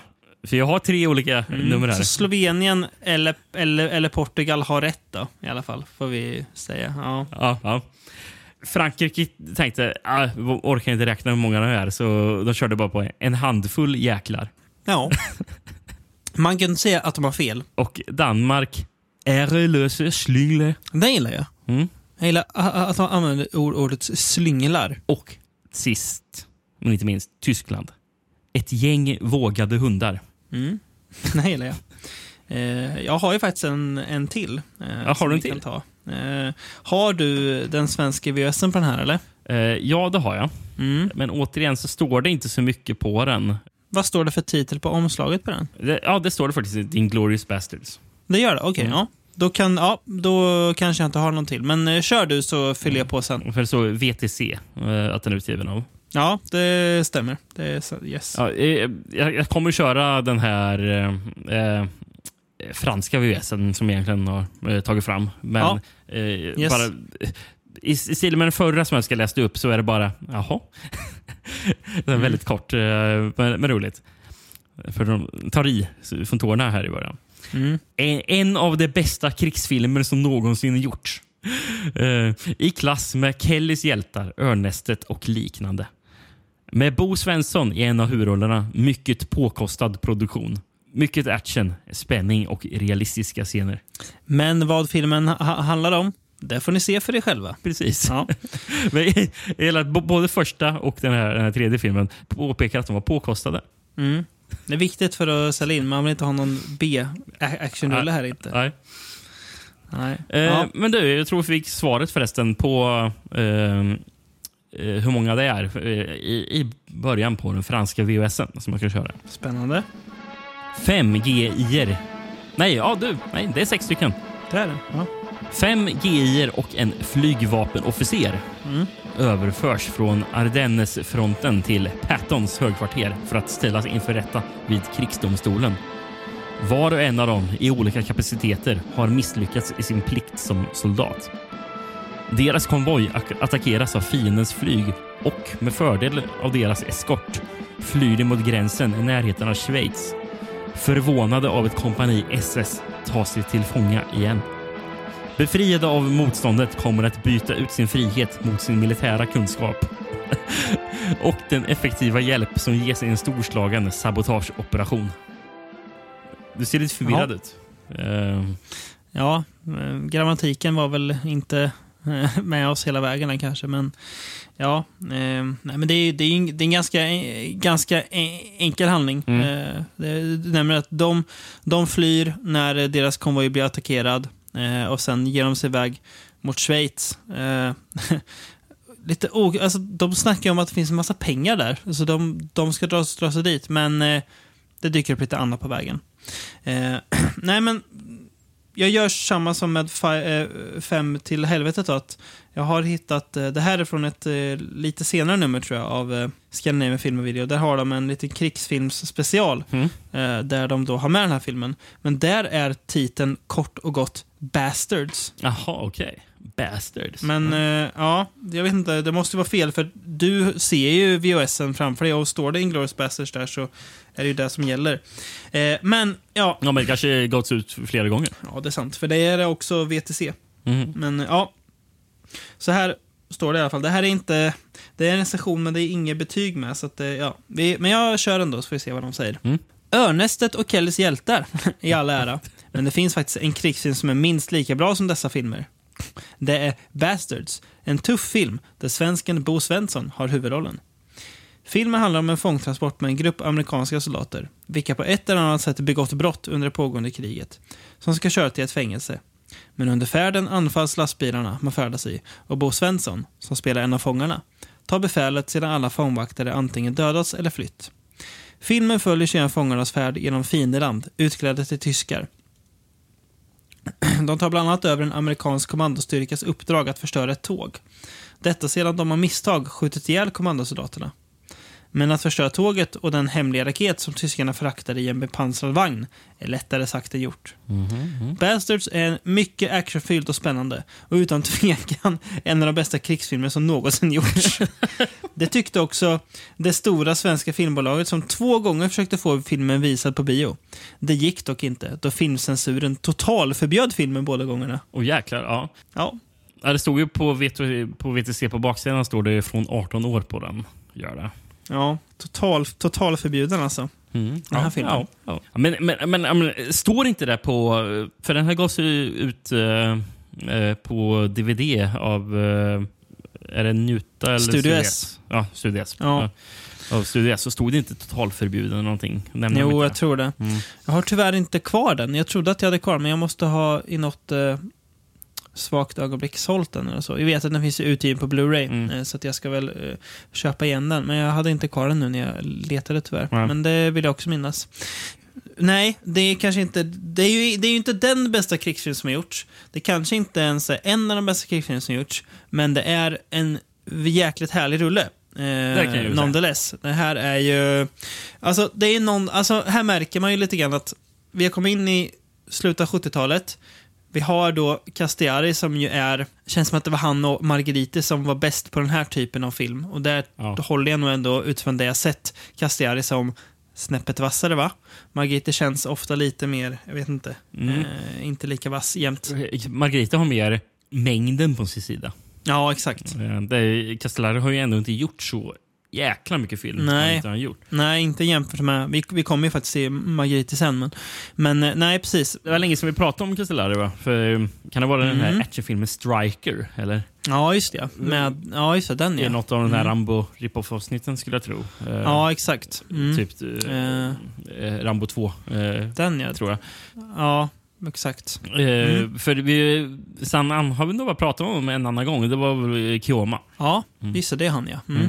Men sen kunde ju behärska olika eh, former av Ja, action. det- Så jag, jag, det dock, man dock säga. så, Eh. mitt minne säger att vi inte tyckte Striker var så bra. Jag har för mig att jag tyckte den var ganska goig. Eller jag blandade ihop, jag blandade ihop det med den där andra filmen med han eh, eh, som vi har sett en uppföljare till kanske. Vad hette den då? Som, den var en eh, native american-snubbe som... Thunder. ja, den, som- den, den var ju goig. Thunder som Bo Svensson är med i. Ja, just det. Som eh, sheriff va? Eh, ja, jag tror han är sheriff eh, om jag minns Ja, rätt. ja, Thunder, var, det, Thunder var det som var goig ja. Nej, Striker kanske inte var så goig. Men, Men, eh, Striker ja. är ju från 87 också, så det är lite senare eh, verk av Castellari där. Ja, men det här är ju eh, kanon. Det är ju faktiskt... ehm, det är ju Det är full fart där. underhållning. Ja, och det är i princip hela tiden. Eh, jättebra tempo. Det är som att varje, eh, så här, när varje ny del, liten del av filmen är klar, så är det som att Castiel nej, nu måste det hända någonting nytt. Så nu får de något nytt att stötas mot, fast egentligen inte alltid behövs. Nej. Men jag känner heller inte att det blir för mycket. Eh, och därför att jag, jag har, alltså det känns som att delarna funkar i varann. Eh, och jag har väldigt kul åt det. Mest over the top i filmen är ju såklart när de ehm, springer på ett gäng badande kvinnor eh, som badar näck. De ger sig ner i vattnet och det är väl, eh, är det Bo Svensson som då börjar prata engelska? Och den här brudarna förstår ju, ja det är amerikaner för de är ju nazistsoldater de också. Så då börjar de, fortfarande utan kläder på, att skjuta mot eh, våra Inglourious Bastards. Eh, De är väl sjuk, tyska sjuksköterskor är det väl, eh, som badar. Eh, ja, just det, så kanske, ja, just det. Eh, och, och nej, men de inser att de amerikaner, när de ser Fred Williamson, för han är svart, Just det, jag kom på det. och bara, ja, tyska, tyska soldaterna har inte en svart soldat med sig. Nej. Det är, det är en liten, men ändå väldigt minnesvärd scen som är så här, ja, kul liten grej. Och sen så drar de vidare från det. Den har ingen påverkan på filmens utgång överhuvudtaget, men det är lite kul inslag. Ja, men, men, men hela filmen är ju bara, eh, egentligen bara olika eh, såna här set pieces som man rör sig fr- från och till. Ja, Det, det, det känns ju nästan som att eh, den, den här biten att de ska ta sig an ett tåg sen, det är nästan som att den idén i manuset är lika slumpmässigt konstruerad som det slumpmässigt att de stöter på det i, i filmen. För det är bara, ja, nu ska vi göra det här. vet jag egentligen vad det det här delar samma upplägg som? Nej. Alltså egentligen, vad ska man säga, genren, den lösa genren road movies. Ja. För, för, för ofta, när den är, är, ofta i sådana filmer är det ju att några som åker en bil, sen så stannar man till, någonting händer där, sen så bara rör man sig till nä- nästa plats och man träffar några nya personer som... Ja, mm. det, det, det, alltså, du förstår vad jag menar eller? Mm, ja, det gör jag. Att det liksom saker råkar hända som, som, som gör att, att, att handlingen tar en annan väg då. För att nu har det här hänt, så då måste vi anpassa oss efter det. Precis, Ja. och, och de, de, har ju, de, de, de, de delar ju sällan en, slags röd tråd med att det är till, att, till nästa eh, alltså del Nej. i den här road movien inträffar. Liksom. Eh, det känns nästan lite på det sättet. Mm. Men ändå funkar det bra ihop. Alltså, Och, och, och här färdas de genom eh, Tyskland istället. på väg mot Schweiz. Ehm, ja, nej men eh, vi har ju nämnt eh, Bo Svensson eh, som ju då spelar eh, huvudrollen. Eh, han är ju vad, flygofficer och sånt där. Eh, han är ju väldigt charmig tycker jag, Bo Svensson. Han är jättehärlig att eh, titta på. Jag kan ju förstå varför Tarantino av alla svenska skådespelare har valt honom att vara med i eh, ett gäng av hans filmer ändå. Han har faktiskt dykt upp i flera Tarantino-filmer. Är han prästen i Kill Bill? Ja, han, precis. Eh, som vi ser i den här, i den här svartvita delen. Mm, Eh, när de repeterar inför bröllopet, exakt. Men sen har vi också då Fred Williamson och han, alltså, när vi pratade om eh, Pam Grier så sa vi ofta att det är svårt att, att inte vara enkelspårig och bara säga hon är så jäkla cool. Det är lite nästan samma sak med Fred Williamson. Han bara har något, alltså, han, han, han, han, han är bara så jävla cool. Alltså, han, är så, han är så hård, han är så tuff bara. Ja. Ja, Alltså, men- och han är så extremt charmig också. Allt han gör, liksom sitter man på och ler som ett litet barn åt. Så det bara osar karisma ur, honom. Ja, extremt mycket karisma. Och, och, och då är det inte så att de andra skådisarna gör ett dåligt jobb. Det är bara att, ja, tyvärr är du i samma eh, film som Fred Williamson, så att eh, nu får du liksom steppa lite åt sidan här, för att eh, här är det han som kör showen. Eh, det är ett, ett spretigt gäng karaktärer det här. Eh, vi har ju en, eh, en snubbe som, eh, nu tappar jag hans namn, han är väldigt ganska osympatisk större delen av filmen. Han är ju väldigt rasistisk till exempel mot Fred Williamsons karaktär. Mm. Eh, eh, sen har vi ju en, en kille som jag tycker är jäkligt skön. Som när de, när de frågar i början av filmen, ja hur, hur länge har du liksom suttit i militärfängelse då? Och han svarar ingenting utan han tar bara av sig hjälmen och så faller det ut världens kaluft. Han han okej, du, har, du, du, du har suttit här så länge att, att du har fått jättelångt hår. Ja, det, må, det måste ju vara han eh, Nick som spelas av Mikael Pergolani. Eh, tror den Ja. enda italienaren faktiskt i det här gänget. Eh, Ja, intressant nog. Mm. Eh, Men också så här, vad, är, vad, vad, vad är det där för snubbe? Jag, jag gillar honom. Det är, liksom, det är en, eh, det är en väldigt... Eh, den här filmen vet ju vad den är. Castiari är ju så här, ja det här är ju underhållnings, ett underhållningsspektakel. mm. ehm, som också funkar precis vad eh, den ämnar att göra, tycker jag. Ja. jag tycker den, ja, nej, eh, otroligt underhållande film. Framförallt sisa 25 minuterna är ju, kanon. ja, Det är, ja det det är, ja, det är verkligen. otroligt. Är Det är kul när de skulle börja spela in filmen så eh, det är Castellari själv som har sagt att um, tydligen vet ni, be- beslagtogs ju hela vet ni, produktionsteamet så vet ni, här ehm, alltså all, all, alla såna här prop-vapen de hade. Mm. Eh, för jag vet inte om det var om det, om det var en lag som de tog igenom i Italien eller bara att det var olyckligt eh, att de filmade just då. För eh, Mm. vi ju pratat om det här tidigare när vi pratade om den där eh, crime-dokumentären.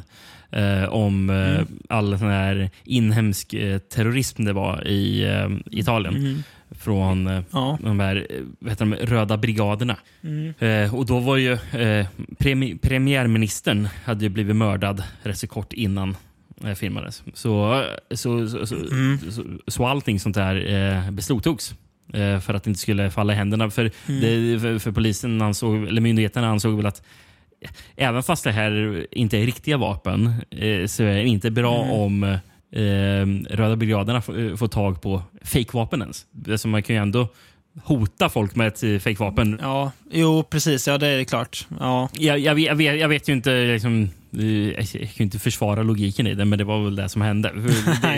Det, ja. nej, men för, för att fatta det som att Castellari säger i en intervju på extramaterialet, tror jag, till Tarantinos uh, Inglourious Basterds. Mm. Jag, jag, jag tror det var Mm. där det var, var från.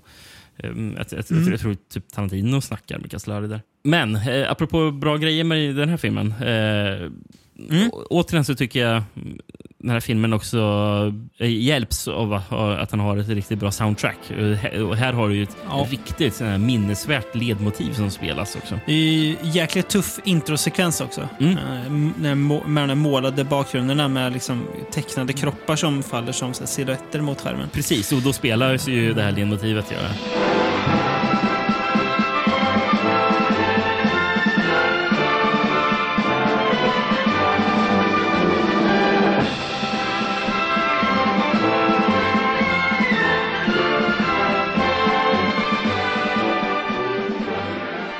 Soundtracket som är gjort av eh, Francesco De Masi.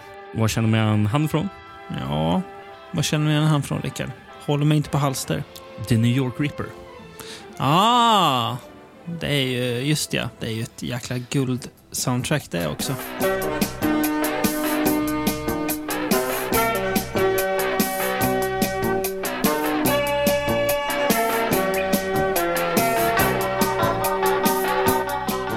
Fick jag det på huvudet, men jag ska försöka att, att, att inte nynna det. Släppa det. Ja.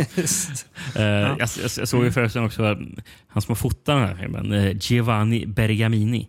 Han har ju fotat Mm. Cannibal Ferox.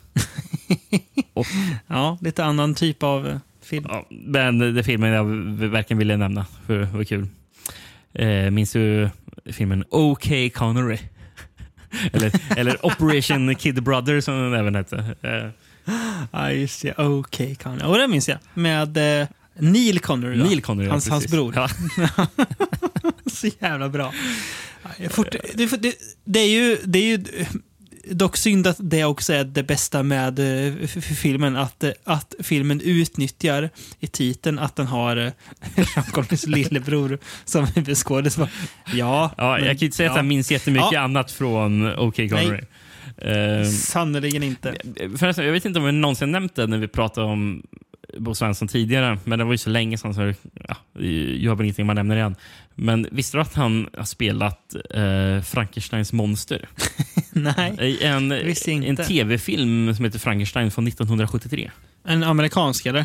Jag tror den är amerikansk. För han, han drog ju till USA när han var typ 17 år. Mm. Vet jag. jag var tvungen att gå in och läsa lite om Bo, Bo Svensson. Du, du, du, vet, du, vet, vilken roll han slog igenom med? var det någon tv-serie, va? Ja, Eller? en tv-serie som heter Here, Comes, eller Here Come the Brides. För där spelar han Blir du sugen på att se den när du läser om den? Ja, särskilt för man vet att hans karaktär hette Lumberjack Olaf Big Swede Gustafsson.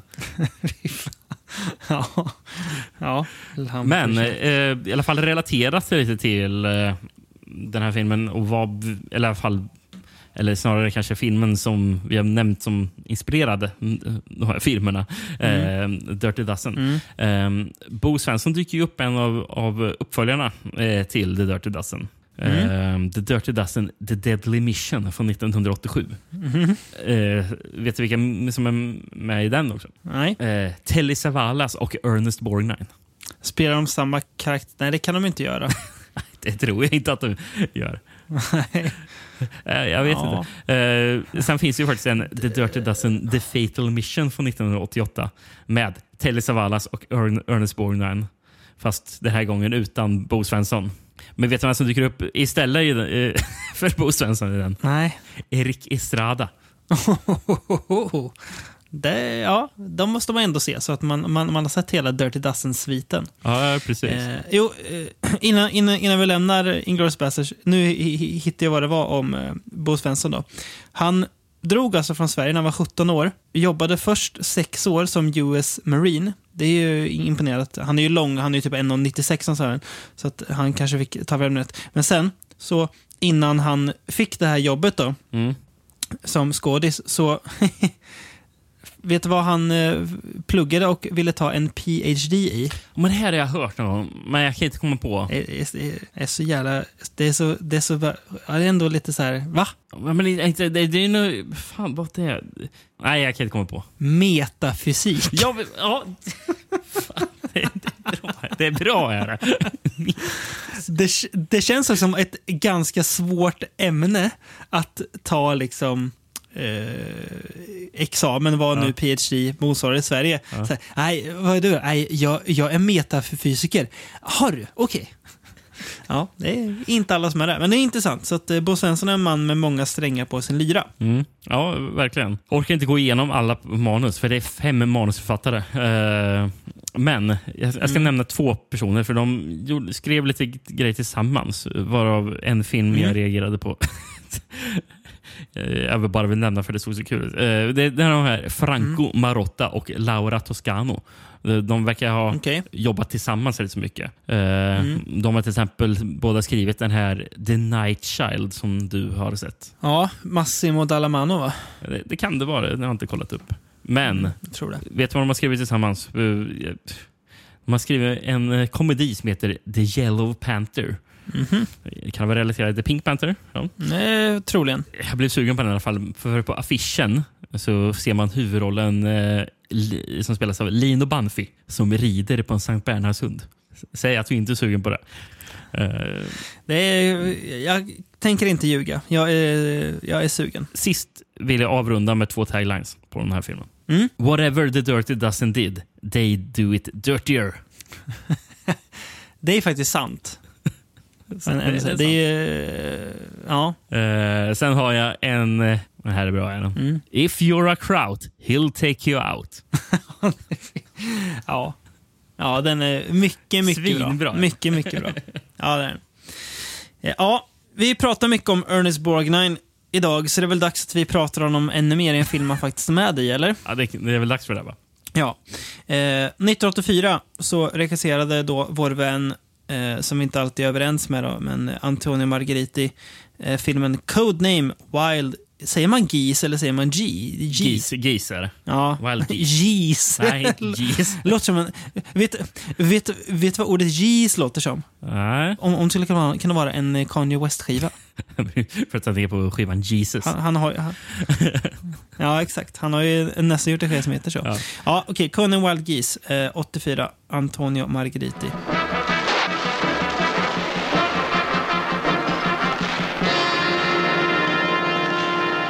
Geheimcode Wildgänse. Eh, känns också som en film som borde ha alternativa titlar, eller? Ja, inte så många. Eh, jag har en italiensk, men helt obegriplig. Vad jag, jag fattar det som är originaltiteln på tyska och bara översätts till, från den tyska titeln till Codename Wild Geese. Jag, vet inte, jag tror det var någon samproduktion, eh, trots att vi har ja, Margheriti då, eh, som reg- regissör. Och så, så är det väl mest italien... Ja, det är lite, nej, det är faktiskt det är mycket tyska skådespelare i den här filmen. Där. Och några Ja, italienare och några folk, amerikaner. men- det är lite ja. allt överallt. Mm. Ehm, men den italienska titeln översätts... eh, jag vet inte vad jag ska tro om det, men eh, ja, jag säger kort och gott att den översätts till vild regnbåge. Ja, Vad vad tusan. ja sannerligen vad tusan. Ja, nej, det kan jag inte påstå att jag förstår varför. Men eh, ja, Ja. Ehm, nåväl, nåväl. Portugal. Det vilda gässen slår tillbaka. Det hade kunnat varit en eh, märklig djurskräckis. Ja, eh, men det är väldigt också tydligt att man vill eh, marknads, marknadsföra den här ännu mer än vad den här engelska titeln Conan Wild Geese på att det skulle bli en uppföljare på filmen The Wild Geese från 70-talet. Mhm, det, fin- det fanns det som hette, det. Alltså. Ja, en sån här typ av film. Fast Jaha. vad är det från, jag tror den är från typ 78. Delar inga skådisar med den här filmen. Och eh, Nej. ingenting med handlingen heller. Eh, tror- Den Nej. utspelar sig i Afrika tror jag. Ja, eh, men, men, men Ja. man hör ju väldigt tydligt, ja, jag såg även på originaltiteln Coden Valgis att ja, vad vill man eh, ställa in den här på? Eh, Sverige också. Kodnamn till vilda gässen rakt av. Eh, Ja. Och det är där vi landar i Sverige med ett VHS-omslag. Fast Härligt, härligt. på den VHSen jag hittade så står den bara som Codename Wild Geese. Okej. Vilka är det som har gett ut den här? Uh, aktiebolaget RVS. Ja, säg mig inget, men... På, eh, på, på, på ryggen står det Transworld, men sen på baksidan står det Ja, okej. med sto, stort står det aktiebolaget RVS. Om inte det är en påklistrad etikett, tror jag faktiskt det är. Fan, vad fan står det? här? Jaha. Jag sitter och granskar detta. Det här, är, det här är grävande journalistik vi pysslar med just nu. Eller du pysslar med. Ja, men du, jag håller på att zoomar in på aktiebolaget RVS, för det står någon... Eh, Okej, det här är en, på, Jag kan ju- det, det här är en på, påklistrad etikett. Jag vet inte varför det står där, för det har ingenting med eh, film att göra. Nej. Var det här en kopia som ägdes av det här företaget eller någonting? För, jag, jag, för det står aktiebolag på, på baksidan, aktiebolaget RVS. Sen står det aktiebolaget Vind... Eller Viss... Ja, det är lite för suddigt för att jag ska kunna se, men typ Vindelns eller någonting. Eh, värme och sanitet. Gött om de hade den här liggandes i liksom personalrummet. Nej grabbar, ska vi, gå, ska vi gå in och kolla på den här vilda gässen? Eh, rör, värme och sanitet. Ja, fy fan vad fint ändå. Det är det som RVS står för. Hopp, jag ho- hoppas att den låg i ett personalrum på eh, å- å- 80-talet. Eh, Vad säger baksidan oss då, Rickard, om vad filmen handlar om? Också här, här på baksidan försöker man eh, marknadsföra sig på, att det skulle vara en uppföljare. För det står Den nya vilda gässen-filmen med fyra starka S. Mhm. Jag gillar att, att, att det ska låta som att det är en filmserie. Det är vilda Mm. gässen-serien. Liksom. låter så kul på svenska. Gör det. Plats Hongkong. Knutpunkt för drogmaffian. Hamnen från vilken en aldrig sinande ström av opium och renat knark pumpas ut över världen. Men råvarorna kommer från den beryktade Gyllene triangeln.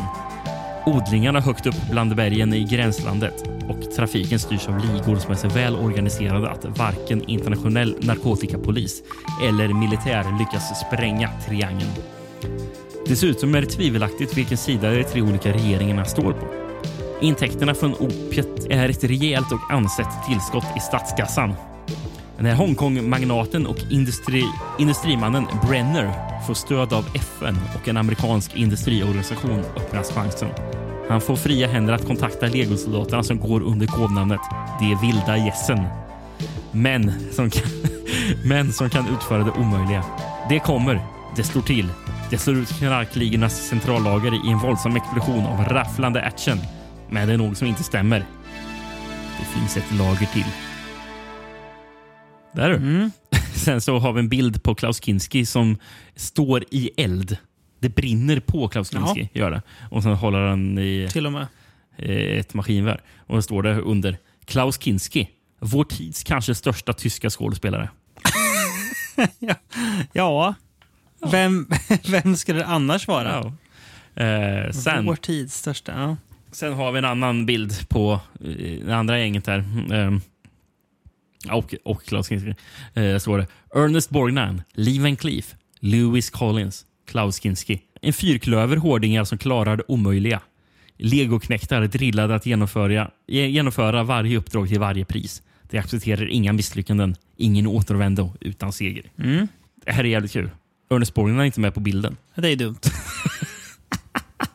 Sen så pekar ner och det står fyra namn men Ernest Borgnine är inte med på bilden. Han dyker inte upp. Och det är fem personer och Borgnine är inte en av dem. Det är dumt.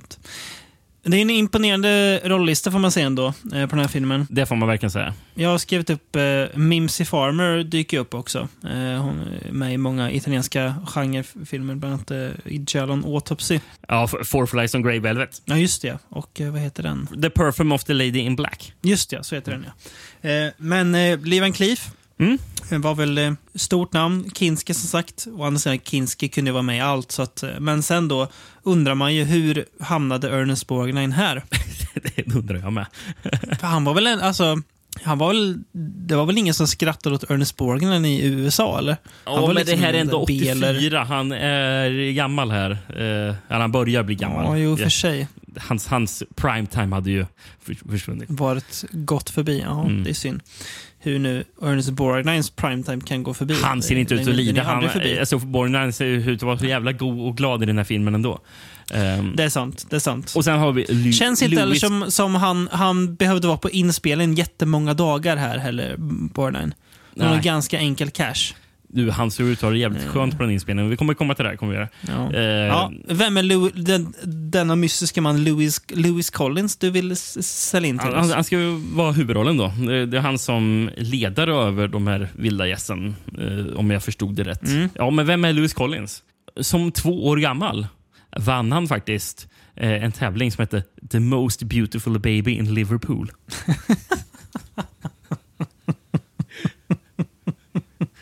Bara det. kommer jag tänka på det här. Det var väl din, din kusin Kim någon gång som visade upp någon så här, eh, typ Vice eller något som hade gjort något så här, bara gått runt i Liverpool och Ja, det var en sån här beauty contest i Liverpool. Ja, och fy fan, det var, var inte mycket vackra människor där, så jag tänker att det kanske inte fanns så många vackra bebisar i Liverpool eh, på, vad kan det ha varit, 40-50-talet han var född, Collins. Ja, eh, den och 40 eh, någonting skulle jag tro på. Eh, ja, ja, men det vann, det vann han i alla fall. Ehm, sen Ja. så, eh, det kommer mer spännande här om ehm, Lewis Collins. Eh, som ung så spelade han trummor i olika band. Mhm. Eh, och när han slutade eh, skolan, vet, vet du vad han började jobba som då? Inte skådis och inte trummis. Nej. Utan han började som, eh, som lärling till att bli frisör. Okej. Han var lärling på en salong som heter André Bernard salong. Det är viktigt att säga, påpeka. Men även på den här salongen så hade han en annan lärling eh, som han blev vän med. Eh, som heter Mike McCartney. Okej. Och det hörde till eh, när Beatles första trummis Pete Best eh, fick lämna bandet. Mm. Eh, Så föreslog den här eh, Mike McCartney för sin äldre bror Paul McCartney att Lewis Collins skulle bli den ny, nya trummisen i Beatles. Vet du vad som hände?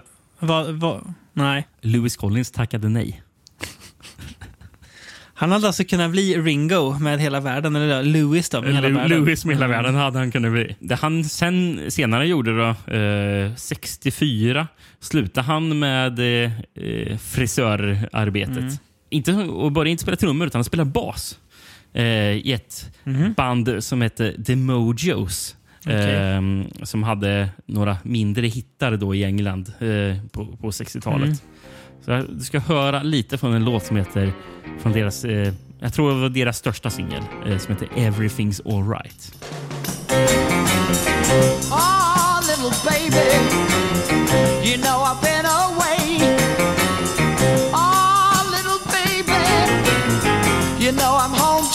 and don't you know that everything's alright?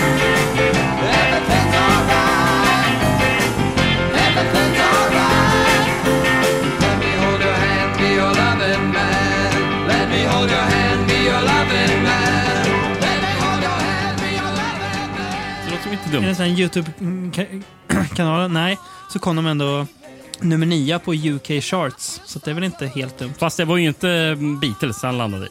Ja, nej. Eh, The Mojos är sannerligen inte, in, inte The Beatles. Eh, men- Men det är faktiskt inte det sista steget i eh, hans eh, nästan karriär. Sagan om Lewis Collins? Nej. Ja. Eh, 82 kan vi spola fram till. Då, Vi- då var han på audition. Då var han audition på att vara Roger Moores ersättare för eh, Agent 007. Men ehm, det var ju då producenten Cubby Broccoli som inte gillade det där. För han tyckte att eh, Lewis Collins, eh, hans utstrålning var för aggressiv. Var det då George Lazenby fick rollen istället? Det Eller? måste vara det där va? Ja, jag har så dålig koll på Bond. en- men, eh, En Bond. Mm. Eh, och det sista jag Ja. har här på Lewis Collins. Eh, 1990. Mm. Då dök han upp i eh, brittisk tv. I tv, eh, sån här gameshowen eh, Cluedo. Jaha, Eh, då dök han upp som där var han med eh. Colonel Mustard. Överste I, I den senap. svenska versionen är det överste senap där. Mm, där är det. Mm. Min vän som spelade överste senap i, när, när Cluedo gick på svensk tv. Kan det ha varit han eh, Helge Skog heter han va? Som var med i eh, Parlamentet också. Nu måste vi kolla upp det här. Mm. Jag minns bara att Royben, som jag säger, eller Ruben Salamander var med också i, i Cluedo när det gick på svensk tv. Jag vet du vem, vem eh, Ruben Salmander ehm, spelade? Nej, Plommongren. Mångren. Ja. Senap? Har vi ingen senap? Nej, senap kanske de kanske inte hette. De hittar på nya namn eh, till ja. eh, svenska. För Helge Skog Mm. spelade Reverend Seved Filén. Han bara, det, var ändå snyggt att jag tog att Helge Skog var med. Fan, det, det, det, det ger mig själv. Ja, Ja, Cluedo, en mordgåta. ja. Finns det att hitta, eh, jag vet inte om alla avsnitt, men vissa avsnitt finns faktiskt att hitta och se på, eh, på Youtube. Jag blev Sjukt sugen. Det här eh, följde jag när det gick på tv, minns jag. Det är, må- ja, det, alltså det är många roliga namn de ändå använder här. Alltså, alltså vad karaktärerna ska heta. Vi har ju Mm. Kjell Loffe Karlsson som Manfred Jönsemyr. Kjell Bergqvist som Anders Mörvel. Eller, ja. Och, och, och, eh, och sen så sist där Birgitta Andersson som Lisa Spis. Ja, Ja. ja, är, man är ju su- Ja. man är sugen faktiskt. Eh, ja, det blev man. ja, tillbaka till filmen eller? Mm. Det är så mycket med den här filmen som lovar ändå. Ehm, Man, man blir ju sugen direkt när man ser omslaget bara. ja, ja, det blir man. Och jag blir glad när jag i förtexterna ser att soundtracket står jag kommer inte ihåg vilket band det är som gjort det, men att det står “Performed on Yamaha in Instruments”. Det blir jag lycklig av att läsa. Att, Man var- att, man att, att, man nästan skryter om att kolla, vi är sponsrade av Yamaha. Mm. Musiken är gjord på deras instrument. Precis, och det roliga det, bandet heter Eloy. Mm. Eh, ska alltså inte blandas ihop med Electric Light Orchestra. Nej, verkligen inte. Utan vi lägger till ett Y. Och det är det enda filmsoundtracket av eh, det tyska progrockbandet Eloy. Då. Ja. Jag ska sp- spela upp här lite för lyssnarna. eh, De ska få höra Mm. ett litet stycke ur kanonlåten faktiskt. eh, Poseidons Creation. Ja,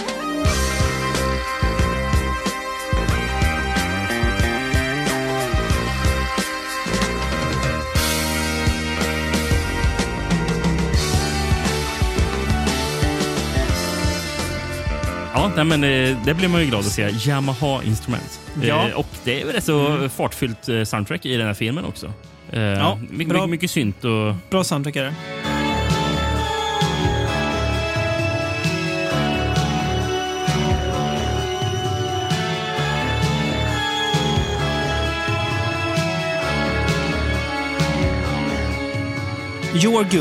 Dy, dy, dyker, upp, dy, dyker upp också. Mm, som en präst, I va? djungeln och härjar.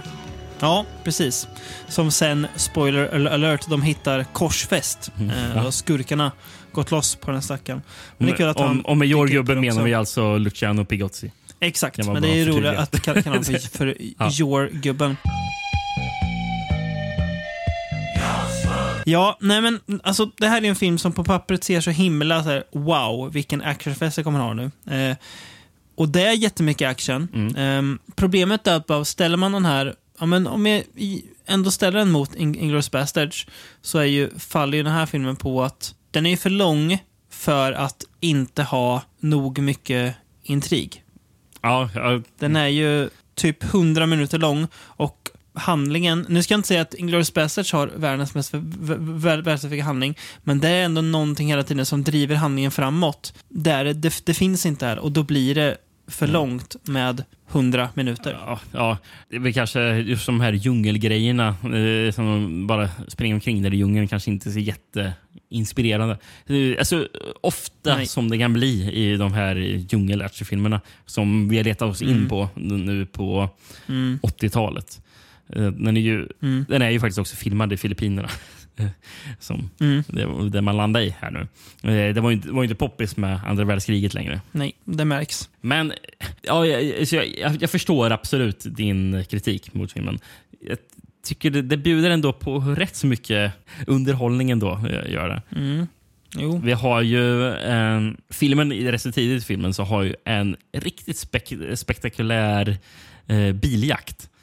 Eh, när de åker genom en tunnel i Hongkong. eh, Är de då i. Eh, för de, blev jaga, de blir jagade av en bil. Eh, och, och den här tunneln, jag vet inte om den inte är färdigbyggd eller om det är några bl- blockader i den. Men eh, det är, det är Lewis Collins och eh, Ernest Borgnine som sitter i den. Eh, och om de ska dodga alla hinder i tunneln så börjar de så köra upp på väggarna. Vad är det som händer? Vad är det för film jag tittar på? Eh, Och då blir det rikt, riktigt goa så här modellbilseffekter också, också då, när de, när de kör i tunneln där. och, och väldigt mycket roliga eh, eh, klipp på eh, reaktioner på Ernest Borgnine som bara ah, Vad är det som händer? Han sitter sitter och gapar liksom, av skräck i bilen. Ehm, och så, eh, så är det kul. Sen så har vi ju eh, Van Cleef då, eh, som spelar karaktären China. Jag gillar, jag gillar att han heter det. Eh, han, han, han släpps väl från fängelset för att hjälpa till. För han har ju egentligen ett Mm. typ Stämmer. livstidsstraff. någonting. Bara, ja, men du kan slippa ut, ut från fängelset för att hjälpa dem här i djungeln. Men han har ju en scen i, så sent i filmen då han... Ja, det är väl det sista actionscenen. Eh, då, han, då han kör helikopter med med, som har trätt på en eldkastare på, på helikoptern. Så han åker in med helikoptern och bränner ihjäl folk. Det är också, också bra, bra actionscener. Jo, det, det, det finns ab- absolut sånt. Eh, Den har ju något som är väldigt märkligt också. Ehm, Mm. För och, det, och det är lite synd, för, för, egentligen. Fast den bidrar också till lite parti, intressanta partier. Det här gänget med Borgnine, Van Cleef, och Lewis Collins och Kinski, de delar ju upp sig. För eh, Van Cleef och Collins eh, tillsammans med några andra åker ju till djungeln. Då. Um, till den där gyllene, uh, gyllene triangeln. Um, uh, medan Kinski och uh, Borgnine stannar kvar i Hongkong. Uh, de har väl satt upp någon mm. hemmabas där. Mm. Men, men, men, att de har gjort så där. Grejen att de här Alltså, det känns inte naturligt när filmen går från djungeln till Hongkong. Så det känns, det känns nästan som att det är två olika filmer som Margariti har klippt ihop. Alltså, mm. alltså, alltså, alltså, alltså, ungefär på samma sätt som det känns som två olika filmer när man kan titta på en eh, Godfrey Ho-film. Jaha, nu har vi den här andra filmen mm. som, som kommer här. Så mm. känns det varje gång vi mm. åker till Hongkong. Och bara, eh, som, mm. som vi har precis en en, en actionscen mitt i djungeln. Det bara eh, hyddor sprängs och sånt där. Och sen bara klipper mm. rakt över till att stå på en golfbana med Ernest Borgnine. Som, som ser ut som att ha semester. Det är jättekonstigt. Ja, nej, jag vet. Det blir, blir ganska... det känns som att det är två verkligen separata saker som berättas mm. samtidigt. Eh, nej, men alltså, det, det är, jag, jag tror att jag hade tyckt det var mycket härligare om den hade varit typ 1,25 tror jag. Eh, skala bort någon kvart. För mm. man kunna tajta till. För det finns, alltså Margita är ju bra på action. Det, ju, det var ju det han främst sysslade med. Mm. Men ja, jag hade tajtat till lite så tror jag att jag hade tyckt att det här var roligare. Nu blir det mest att den pågår lite för länge mm. och jag känner att det finns inte, finns inte nog med saker att bära upp den. Men eh, ja, actionen är bra, musiken är bra, Borgnine är jättebra och eh, spoiler alert, men det är inte helt oväntat att det visar sig att Klaus Kinski är ond i filmen. Och i den här filmen får faktiskt Klaus Kinski utrymme att spela över ordentligt. För han... Ja, det får han. Fast han är väl... Jävla härlig, jävla härlig dubb. Ja, ja. Någon så här, han är ju dunderdubbad där. God brittisk snubbe som har fått dubbad eh, Kinsken här. Ja. Det är det. det är ju eh, faktiskt den ja. nionde filmen vi pratar om Margarita i podden. Ja. Jag är inte förvånad. Det är ändå rätt så sjukt. Jag skulle inte kunna nämna alla, men eh, jag, jag, vet i alla fall att Alien from the Deep är väl Margariti. Ja, precis. Mm. Vi har ju jättemånga där. Ja, mm. de Hunters of the Golden Cobra och de här. Just det. Sen så bara nämna, Margarita gjorde ju någonting som man, man kan väl säga att det typ är spirituella uppföljare. Eh, på den här. Mm. Um, för mm. eh, Gemensamt för alla tre är att Lewis Collins är i huvudrollen um, i alla tre och, och är såna här actionfilmer. Uh, fast det är olika namn på karaktären så han spelar inte samma. Okay. Uh, och sen så är faktiskt en, en av soldaterna i den här gruppen uh, som spelas av Manfred Lehmann. Han är också med i alla tre. Mm. och De två filmerna är Kommando Leopard och Der, Command mm. Der Commander. och i Command okay. Kommando Leopard är Kinski med. Och mm. i Der Commander är Liven Klief med. Han fick med sig dem igen, alltså, mm. några av dem där. Precis. Ska jag avsluta med en tagline innan vi går över till nästa film? Till, innan vi går över till en, till en spirituell uppföljare? Ja, nej, ja. men gör det. ja, det kan jag göra. Um, men den här, Codename Wild Geese hade också en bra tagline. This is a corporation of businessmen. Their business is war. For them, the jungle and the city are the same. Ja, den är bra. Den är bra. Det får man ge dem. Tre år fram i tiden då, 1987, eh, så har vi eh, poddens två sista filmer. Mm. Jag tror att jag har fått till ordningen rätt på den här. För att eh, Har jag rätt ordning om jag säger att jag vill prata om en, nu gör jag, nu gör jag citattecken med mina händer, en uppföljare? Ja, men det kan vi säga. Uh, jag, mm. jag, hade lite svårt att uh, själv hitta vad som var vad här. Så vi kör på det. Du sa ju förut att Inglourious Basterds hade en alternativ titel som var Hells Heroes. Ja. Filmen vi ska prata om nu heter ju väl egentligen Hells Heroes, mm. men het, heter också Inglourious Basterds 2, Hells Heroes. Eh, italienska originaltiteln är Eroi dell'Inverno. Så, ja, ja, Hells Heroes. Hells Heroes mm. alltså. Mm. Ja, ehm, den har ju även den japanska mm. titeln Beasts of the Battlefield Hells Hero. Mm, bra, jag gillar Beast. Det lät hårt. Ja. Det gillade jag. Beasts of the Battlefield. Ja. Uh, och den sista alternativet jag har här. Tyskland. Mm. Läderhalsarna. Eller le, ledernacken. Ledernacken. Låter hårt. Och det är, det är faktiskt den tyska VHSen, Ledernacken, jag till slut hittade efter Ja, att leta Ja. ihjäl mig. Eh, för varenda person som har fotat eh, de här... Jag hittade VHS på massor med olika språk, gjorde jag. Men de fotar ju bara framsidan eh, ofta.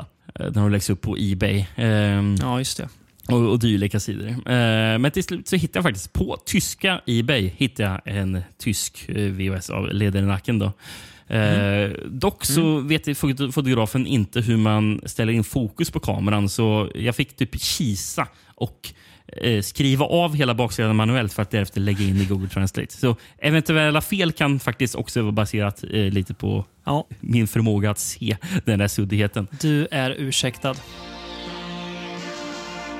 Den amerikanska elitstyrkan i helvetet i Vietnam. Sergeant Darking eh, rapporteras som avskaffad. Han försvann efter ett bakhållsattack av vietnameserna. Felaktigt anklagad för desertering och dömd till fem års hårt arbete hamnar han plötsligt i helvetens helvete. Arbetsläger betyder nästan trygg Ted. Darking och hans fyra nya vänner Feather, Trash, Nose och Bronx kämpar för sina liv med tuffhet och tuffhet. Tuffhet och tuffhet. Ja. Men värre kommer. Med en framgångsrik offensiv av vietnameserna är läderhalsarna omedelbart tillbaka mitt i stridshimlen. De fem stridsmaskinerna bildar en dödsgrupp och får i uppdrag att spränga den strategiskt viktiga Tang Pao-bron. Darking faller i fiendernas händer och kidnappas. Hans vänner lyckas fästa sprängladdningarna på bron. Bara några meter skiljer dem från den säkra stranden. Men det blir verkliga hjältar i ett smutsigt krig. Med din frälsning och frihet till hands, vänd dig om och gå tillbaka till det dödliga helvetet än en gång för att rädda Darking. Ja, eh, trevligt att du har så mycket handling att bjuda på i den här Mm. filmen. Eh, nej, men han, eh, Darken då, som spelas av eh, fine, fine Miles O'Keefe. Ja. Eh, han ska ju skydda en senator som kommer till Vietnam, men som blir utsatt för ett eh, bakhåll kan man väl säga. Det är ju ett barn som springer fram med en gåva som sen sprängs så att den här senatorn dör. Mm. Och eh, ja, det leder i sin tur då till att Miles O'Keefe blir eh, hamnar i militärfinkan. Och det är väl egentligen det är väl där likheten med Inglourious Basterds finns. Att det är ett gäng militära fångar som bryter sig loss. Eh, det och att Fred Williamson är med i den här också. ja, just det. Ja, det är, han dyker upp som Feather. Eh, regissören, eh, jag nu återigen slarvar lite, Stelvio ju. Vad har han gjort? Mer ett namn jag känner igen ändå. Precis, det är ett namn man känner igen. Fast jag tror inte jag sett någonting av Stelly Massi. Det, är bara. Det, har, det har bara lagts på minnet. Ehm, han är ju mest känd för uh, Polizio Teschi. Är han ju. Ehm, och han, han eh, fotade ju ofta sina e- egna filmer också. För han, jag, tror han har lika Okej. många eh, eh, här, eh, cinematography credits som han har som eh, regissör. Eh, Ja. Men två filmer som jag är sugen på att se. Det är ju, ena är ju, eh, den har du säkert eh, sett dyka upp någon gång. Eh, Speedcross från 1980. Mm. Med eh, Fabio Testi som polis som går undercover i den undre världen av motocross. Fy fan vad härligt. Ja, Ja. det blir man sugen på Eh, direkt. Ja, och den andra eh, som jag också är sugen på att se, det är ju samma år eh, som eh, Speedcross kom Speed Driver. Återigen med Fabio Testi i huvudrollen. Fast nu i den kriminella världen av Formel 1. Sna snacka om att, eh, att polisiotesken hade börjat fått lite slut på idéer här kanske. eh, man var tvungen att göra något annat. Eller hitta är det ro, roliga, roliga idéer. Ja, det får man säga. Eh, rolig, intressant grej förresten. Han som har mm, skrivit filmen heter Roberto Mm. Leoni. Eh, jag kollar, kollar vad han har skrivit. Han har ju faktiskt skrivit Santa Sangre. Jaha, oj. Ja. Det är lite oväntat. Alltså, jag, jag, alltså, jag blir nästan o- oväntat bara att det är någon annan än eh, Jodorowsky själv som har skrivit Santa Sangre. För det känns som en regissör som också skriver sina egna grejer. Ja, ja. Men okej, så s- samma regissör som har skrivit den här filmen har alltså skrivit Santa Sangre. Mm. Okej. Tänk på det. Ja, eh, nu, nu har inte jag sett Santa Sangre, men eh, jag vet ju utan att ha sett den att den är ju inte som den här filmen. Eh, nej, inte riktigt va? Den här filmen stöter vi på ett problem, Rickard. Och det är att eh, den är ju inte jättevida distribuerad. va? Så att eh, sättet vi, tror jag, har sett den på är en rätt risig VHS-kopia. Där problemet framförallt är att filmen är så jäkla mörk att det är ofta det är svårt att se vad tusan det är som pågår i den här filmen. Ja, det är, det är lite... Det var därför jag... jag alltså det var intressant, för mycket av det du berättade om filmens handling visste jag inte hände i filmen. alltså, jaha, hände, hände, hände det? Ehm, så att det blir väl kanske lite orättvist. Ja, nu är, är vi framme i 1987, Ja. italiensk 87, yes. filipino-action. Så är det ju också. Eh, och det här känns ju väldigt, eh, alltså väldigt generiskt. Gör det. Ja, och det hjälper ju inte heller filmen. Då är det liksom två eh, dåliga in ingredienser. Så att, ah, ja, vet inte. Eh, rätt kul syntmusik, ganska hetsig syntmusik. Ja, jag skrev det. Filmen börjar med en otroligt hetsigt eh, eh, soundtrack. Mm. Japp. Eh, gör det. Eh, så bara, vad fan Mm. är det som händer nu?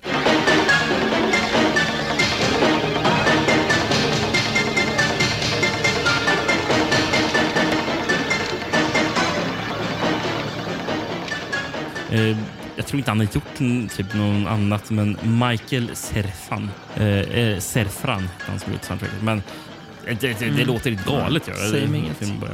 Mm, det gör det. Jättehetsigt. Eh, sen eh, Miles O'Keefe. Eh, för mig att jag sett honom i saker jag gillar förut. Men det han mest gör i den här filmen är att han går runt och ser sur ut. Ja, vi ska, gå in, ska vi gå in på Mice O'Keefe då? Eh, Ja, gör det. det. Det vi har sett, du och jag har sett honom tillsammans i, vi, i, i Mm. vissa filmer i alla fall. Eh, och det är ju, för han spelar ju huvudrollen i inge, han, han, är, han är ju faktiskt ingen mindre själv än Ator, eh, The Fighting Eagle. Just det. Mm. Eh, det, är han, så, det, det, det har ju vi sett honom i. Eh, sen har vi ju båda också sett honom. Han dyker faktiskt upp i Waxwork som Count Dracula. Jaha, okej. Gör han. Ja. Eh, det var något jag lärde mig först idag, så det, det var intressant. Mhm. Eh, Mm. Han hade ju tydligen sitt genombrott eh, 81 eh, i filmen Tarzan, the, A- eh, Tarzan, the Ape Man. Eh, där, han spelar Där han Tarzan spelar? Tarzan mot Ja. Bo Derek som spelar Jane. Jaha. Men det, det du sa att Miles O'Keefe här går omkring här och ser sur ut. Tänkte du Mm. inte på att det låter ju genom hela filmen. Jag, jag, jag, jag får anta att det är hans egen röst. Jag kan inte säga om det. Han, Men han känns Mm. Nej. inte dubbad. Det känns som att det är han själv som pratar så här. Nej. Eh, Ja, det men gör ja. det låter i hela filmen eh, som att han försöker göra en Clint Eastwood-imitation när han snackar. How about you sending me some men who've been out in the bush more than two weeks for that 10 pound mission? Just a survival tactic, General. Are you nuts? Nope. We're back in the war now, pal. Ja, det är fast rätt i. Det här lite, ja, men, och Clint Eastwood- är också bra på att se och låta butter. Ja. Men det, lå det låter som att han försöker eh, vara Clint Eastwood där. Eh, och bara, Ja, nu när du säger det. och bara och det, det är för mycket för att det måste vara medvetet att han, att han, att han försöker låta som Mm. Clint Eastwood också. Ja, gud ja. Det är det nog. Ja. Känns k- kanske ändå lite prank till och med från Mar- Mars Kivs sida. Se hur långt kan, kan jag ta den här Clint Eastwood-imitationen innan någon, någon kommer på mig. Ja, Stelvio Massi var inte skarp nog för att ta den. eh, nej, men jag, alltså, jag, jag har inte jättemycket att säga om den här filmen. Eh, det är väl att den... Det var, det var svårt att hitta mycket att säga om den eh, när man knappt ser någonting. Den här utspelas ju i Vietnam och som, som vi sagt, alla eh, filmer brukar ju, och filmade då i Filippinerna när de ska göra det. Eh, Intressant då. Den är filmad i Venezuela. Jaha. Lite oväntat. Ja. Sen så, det, det här eller, eh, skrev jag i alla fall ner när jag såg filmen. Filmen slutar ju med att det kommer eh, som det kommer fram ett slutord, gör det, en text som gör att man ska lämna filmen med bara, och, bara tänka på vad man upplevt. För det står They will go to heaven for sure because they have been living in hell. ja, just det. Ja. bara, åh, fan. ska det verkligen sluta filmen så här? Ovärdigt. Och apropå hell, eh, eh, tagline på den här filmen hittade jag. When you're going into hell, It's good that your daddy is the devil. Va? ja, ja, precis. Den här tog jag med, den här tagline, inte för att jag tyckte den var bra, utan för att det var bara, va? Vad är det? Va? Ja, Jag, jag, förstår, jag, men jag förstår inte riktigt vad den taglinen har med filmen att göra. För, förutom att ja, de eh, drar till Vietnam och att det ska vara eh, ja, helvete med krig. Liksom. Men, men, men Daddy is the devil. Eh, Vem är Daddyn som är djävulen i den här filmen? Är det staten USA som är djävulen kanske? Kanske det. Ja, ja fy fan. Svagt. Ehm, ska vi byta film? Men inte år. Ja, vi tar den sista filmen för avsnittet och eh, stannar också från 87. Då. Exakt. Brothers in Blood. When I was over there, this view used to blow my mind. When I see that, it's just fantastic. That skyline, It's been 10 years, and most of us have forgotten about Vietnam. I haven't. Well, I don't see why you want to get me involved. Why not? He would have come back fast in his chopper to save any one of us. We left him there to die. And you were the pilot, still running away. No sense doing that. No. You can't, Travis. See what happens when you try? Better to die than run away. These four men formed their own platoon with the intention of rescuing a friend and fellow Vietnam veteran. Vi har ju italienska originaltiteln blir Det smutsiga lär om mod. Mm. Mm. Jag förstår inte riktigt den. Eh, Nej, USA, inte heller. USA låter precis som en sån här film som kom 87. Alltså att det låter väldigt typiskt för en sån här film som kom 87. Ja. Savage Attack. Ja, verkligen. Sver- Sverige, blodsbröder. Rakt av från Brothers in Blood. Då. Ehm, Ja. Och Frankrike, Blood Commando. Blood Commando.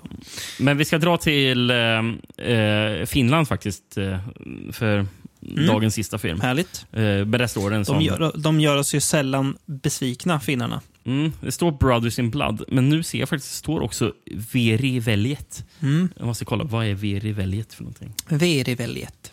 Blodsbröder, okej, ja, det var så enkelt. Okej. I Vietnam 1975 väntar en, räddningspat- en räddningspatrullhelikopter på Mark som försöker bära det, skad- det skadade Steel i säkerhet. Men det fångas upp av Vietkong. Åtta år senare, när Mark släpps från Vietkong, är han i dålig form, både fysiskt och mentalt efter tortyren. När han flyger tillbaka till USA väntar Steele på flygplatsen för att träffa honom. Men planet kommer aldrig fram.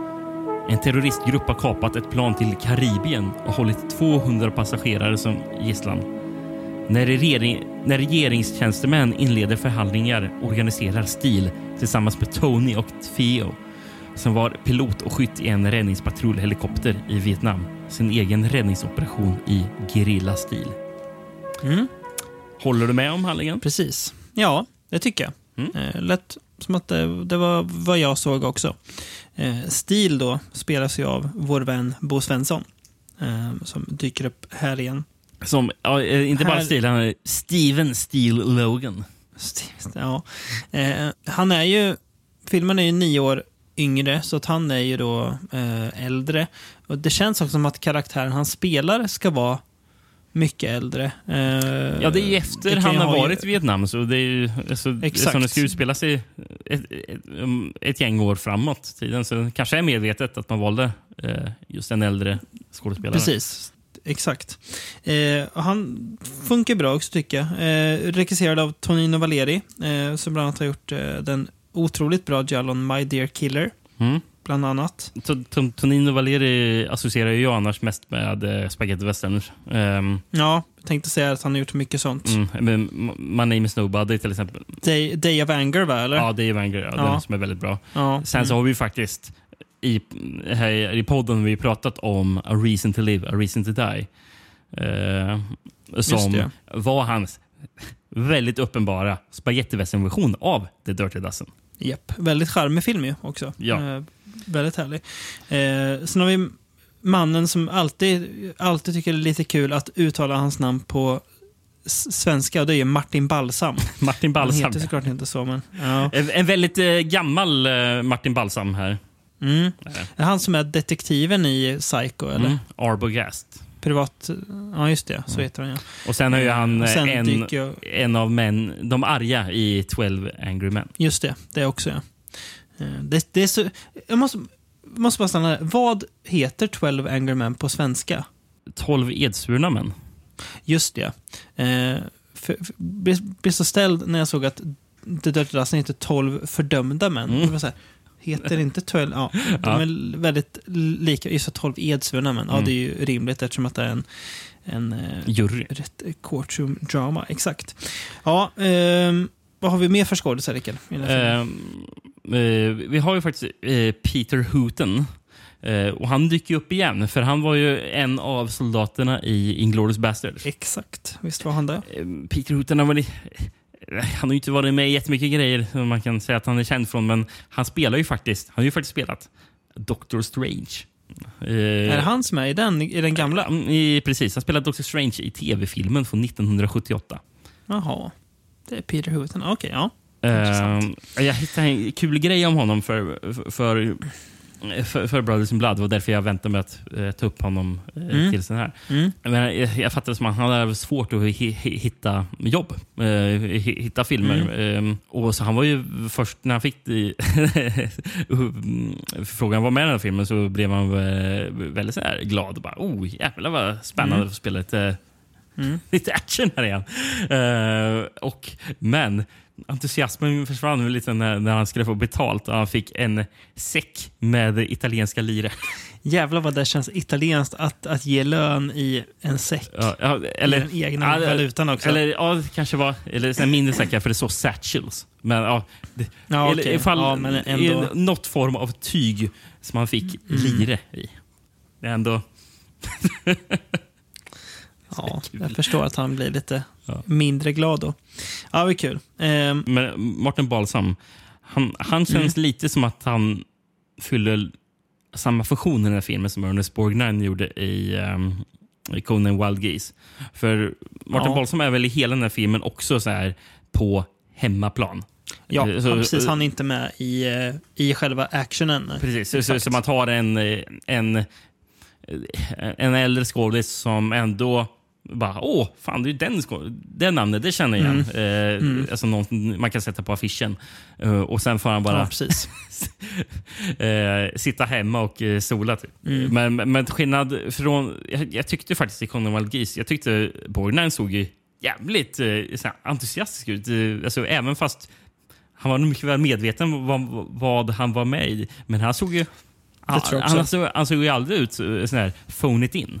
Eh, Ma- Nej, Martin, håller jag med om. Martin Balsam ser skapligt uttråkad ut i den här filmen. Ja, det är ju inte hans eh, karriärs stoltaste Nej. ögonblick där Nej. kanske. Direkt.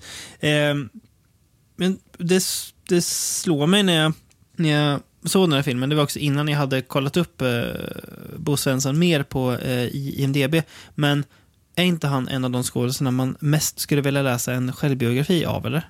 Det skulle man verkligen göra. Eh, Alltså, kan inte hur- han ha släppt hur- det till alltså- med? Eller? Eh, eller? Det kanske han har gjort. Som, In, intressant liksom, hur kom man från Sverige till Mm, det ja, här? ja. Alltså, det är alltid intressant, men... Ska vi se. Published author står han som i alla fall. Vad kan, Ja. Fast det, det verkar vara romaner eller? Han eh, kanske också har skrivit hundra thriller-romaner. Det finns ju en... Under de här...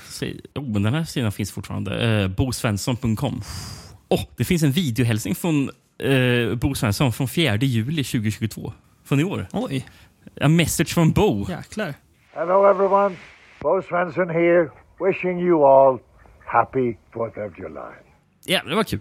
Han, han, ser ut, att- han ser ut att stå i Sverige. Jag undrar om han är där i Sverige. Men kan vi inte stanna lite i Bo Svenssons hem, hem, he- hemsida bara? Jo, men det är det vi ska göra. Det ska vi göra. Får jag läsa lite? Ja, absolut. Första vi möts av då är eh, eh, bilder på honom. Sen så Hello, this is Bo.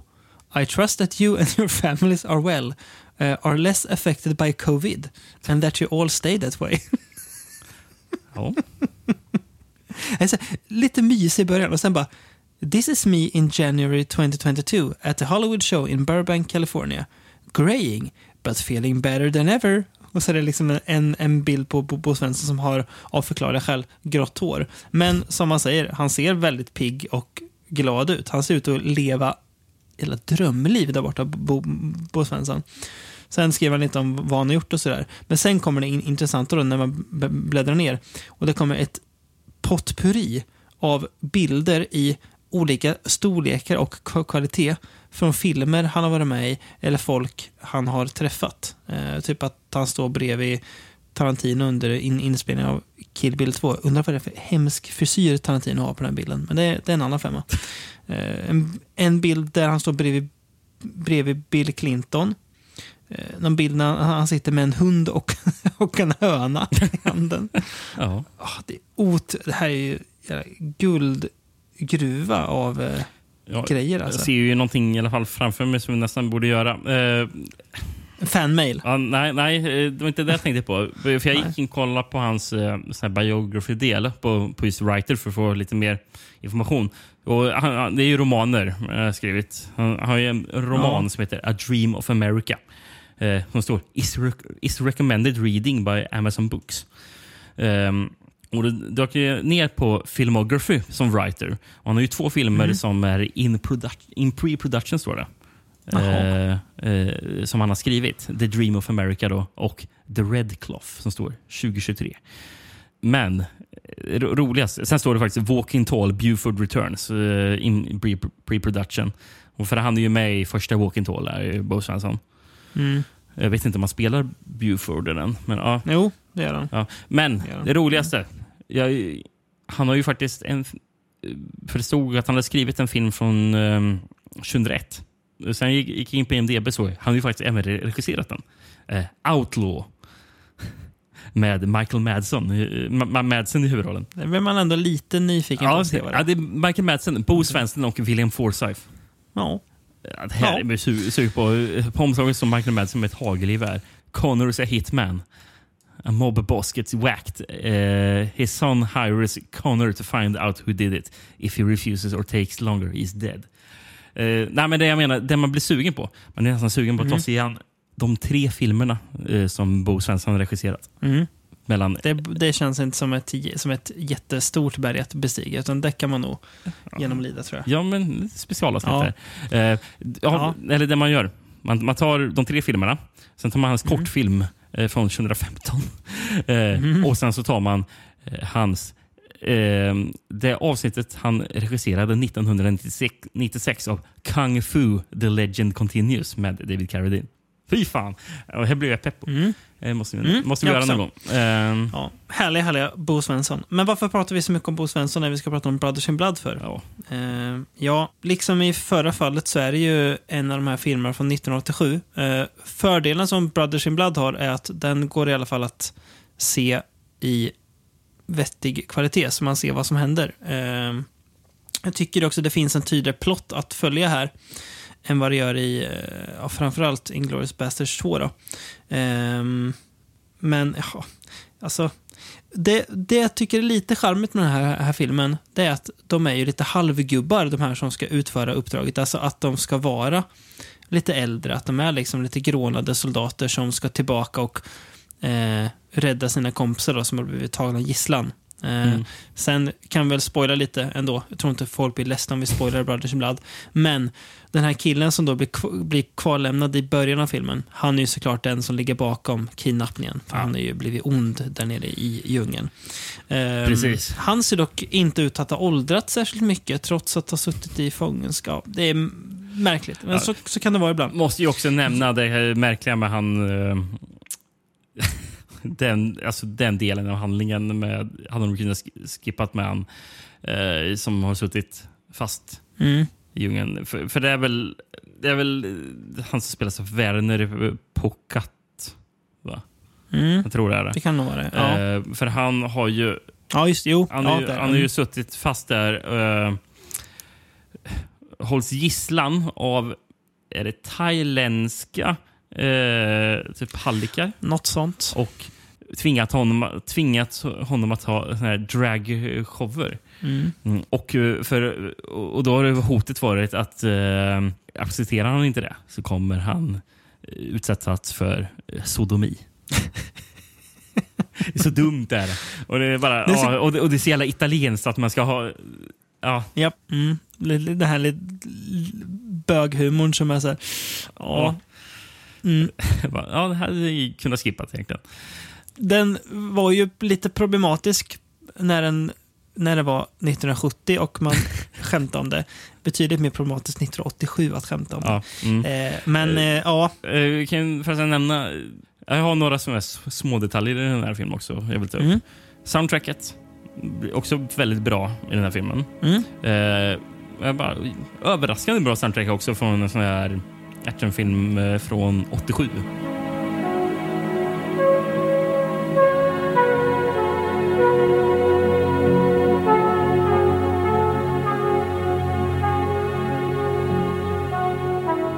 Och sen så läste jag först eh, då efteråt. Jaha, soundtracket är ju faktiskt gjort av Riz Ortolan. ja, då så. Då är det inte så konstigt att, att, det är bra. Överraskande också att Riz Ortolan har gjort soundtracket i den här filmen. Ja. Ja, det får man säga. Eh, sen så fotot. Eh, inte för att jag reagerar över att fotot var något speciellt, men det Nej. var kul för eh, Sam Giancarlo Ferrando har fotat filmen. Och det är han som har fotat Mm. Troll 2. Som ju mest kanske är känd för sitt eh, otroliga foto. Ja, precis. eh, Mer än något annat. Sen har vi faktiskt... ehm, jag nämnde i förra filmen att den var skriven av Roberto Leone som har skrivit Santa Sangre. Och han Mm. har ju även skrivit den här. Ja. Han specialiserar sig på den här typen av film här. Ja, alltså. ja, det verkar han ha gjort. Mm. Eh, och tydligen hade han skrivit ett manus eh, tidigare eh, som Mm. var avsett eh, att skulle vara en film till Enzo G. Castellari. Mhm. Men eh, när man såg, när man kollade på manus, så var det bara nej, men det, alltså, det blir på tok för hög budget. Så han Mm. eh, skrev sen om den, eller skrev ett helt nytt manus som blev den här filmen. Då. Eh, men då drog Mm. sig Castellari ur för han var inte intresserad. Eh, och hade an, då andra projekt eh, som eh, han Mm. var upptagen med. Så då blev det, bara, ah, Tonino Valeri, vill du göra Ja. den här filmen? Han, han kanske gjorde Striker i- istället då. Ja. Vem vet? Ja, men kanske Ja, han skulle nej, gjort den här eh, då, för det här tycker jag är en bättre film än Striker.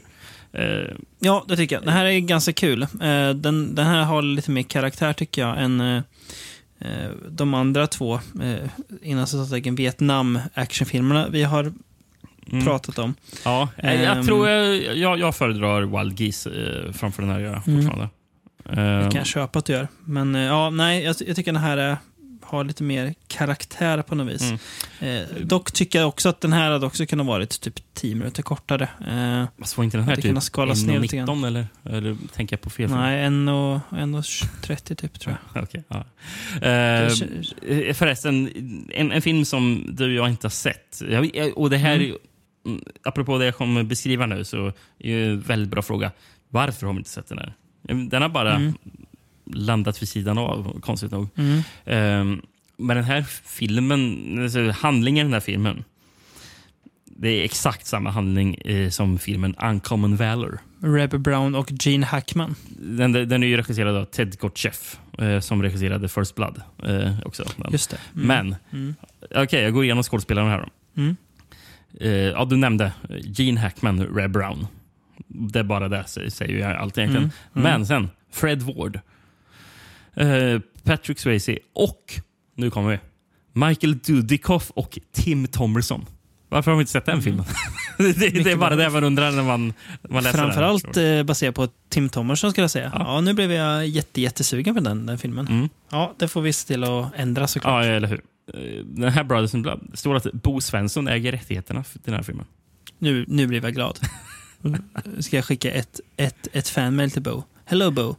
Eh, varför ska man skriva på engelska till honom för? Hej. Precis. Har du några planer på att, att släppa Brothers in Blood på, på 4K U- UHD-disk snart, eller? Uh, Bo Svensson är faktiskt CEO och eh, CEO and president för Magic Quest Entertainment som är ett um, filmbolag. Står det på hans Som hemsida. äger den här filmen kanske då? Ja, det kanske. Ja, verkar ju äga de här filmerna som är in production. då.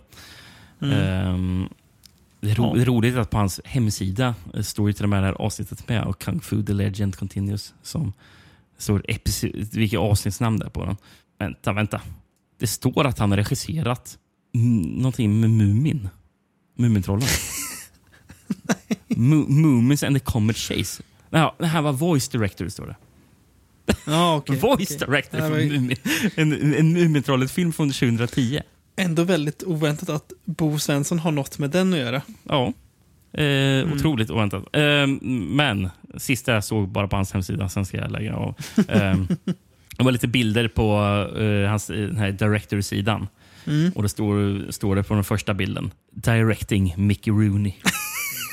det är en bild på Mickey Rooney som ser skitsur ut. Mm, Och, jätte, och är typ når upp till eh, Bo Svenssons midja. Ja, det kan jag tänka mig. Han var väl kort och Bo Svensson är lång som sagt. Ja. Ha- ha- Hade jag skrivit eh, Directing Mick Rooney, the, eh, the legendary actor known from such work as Silent Night and Night 5.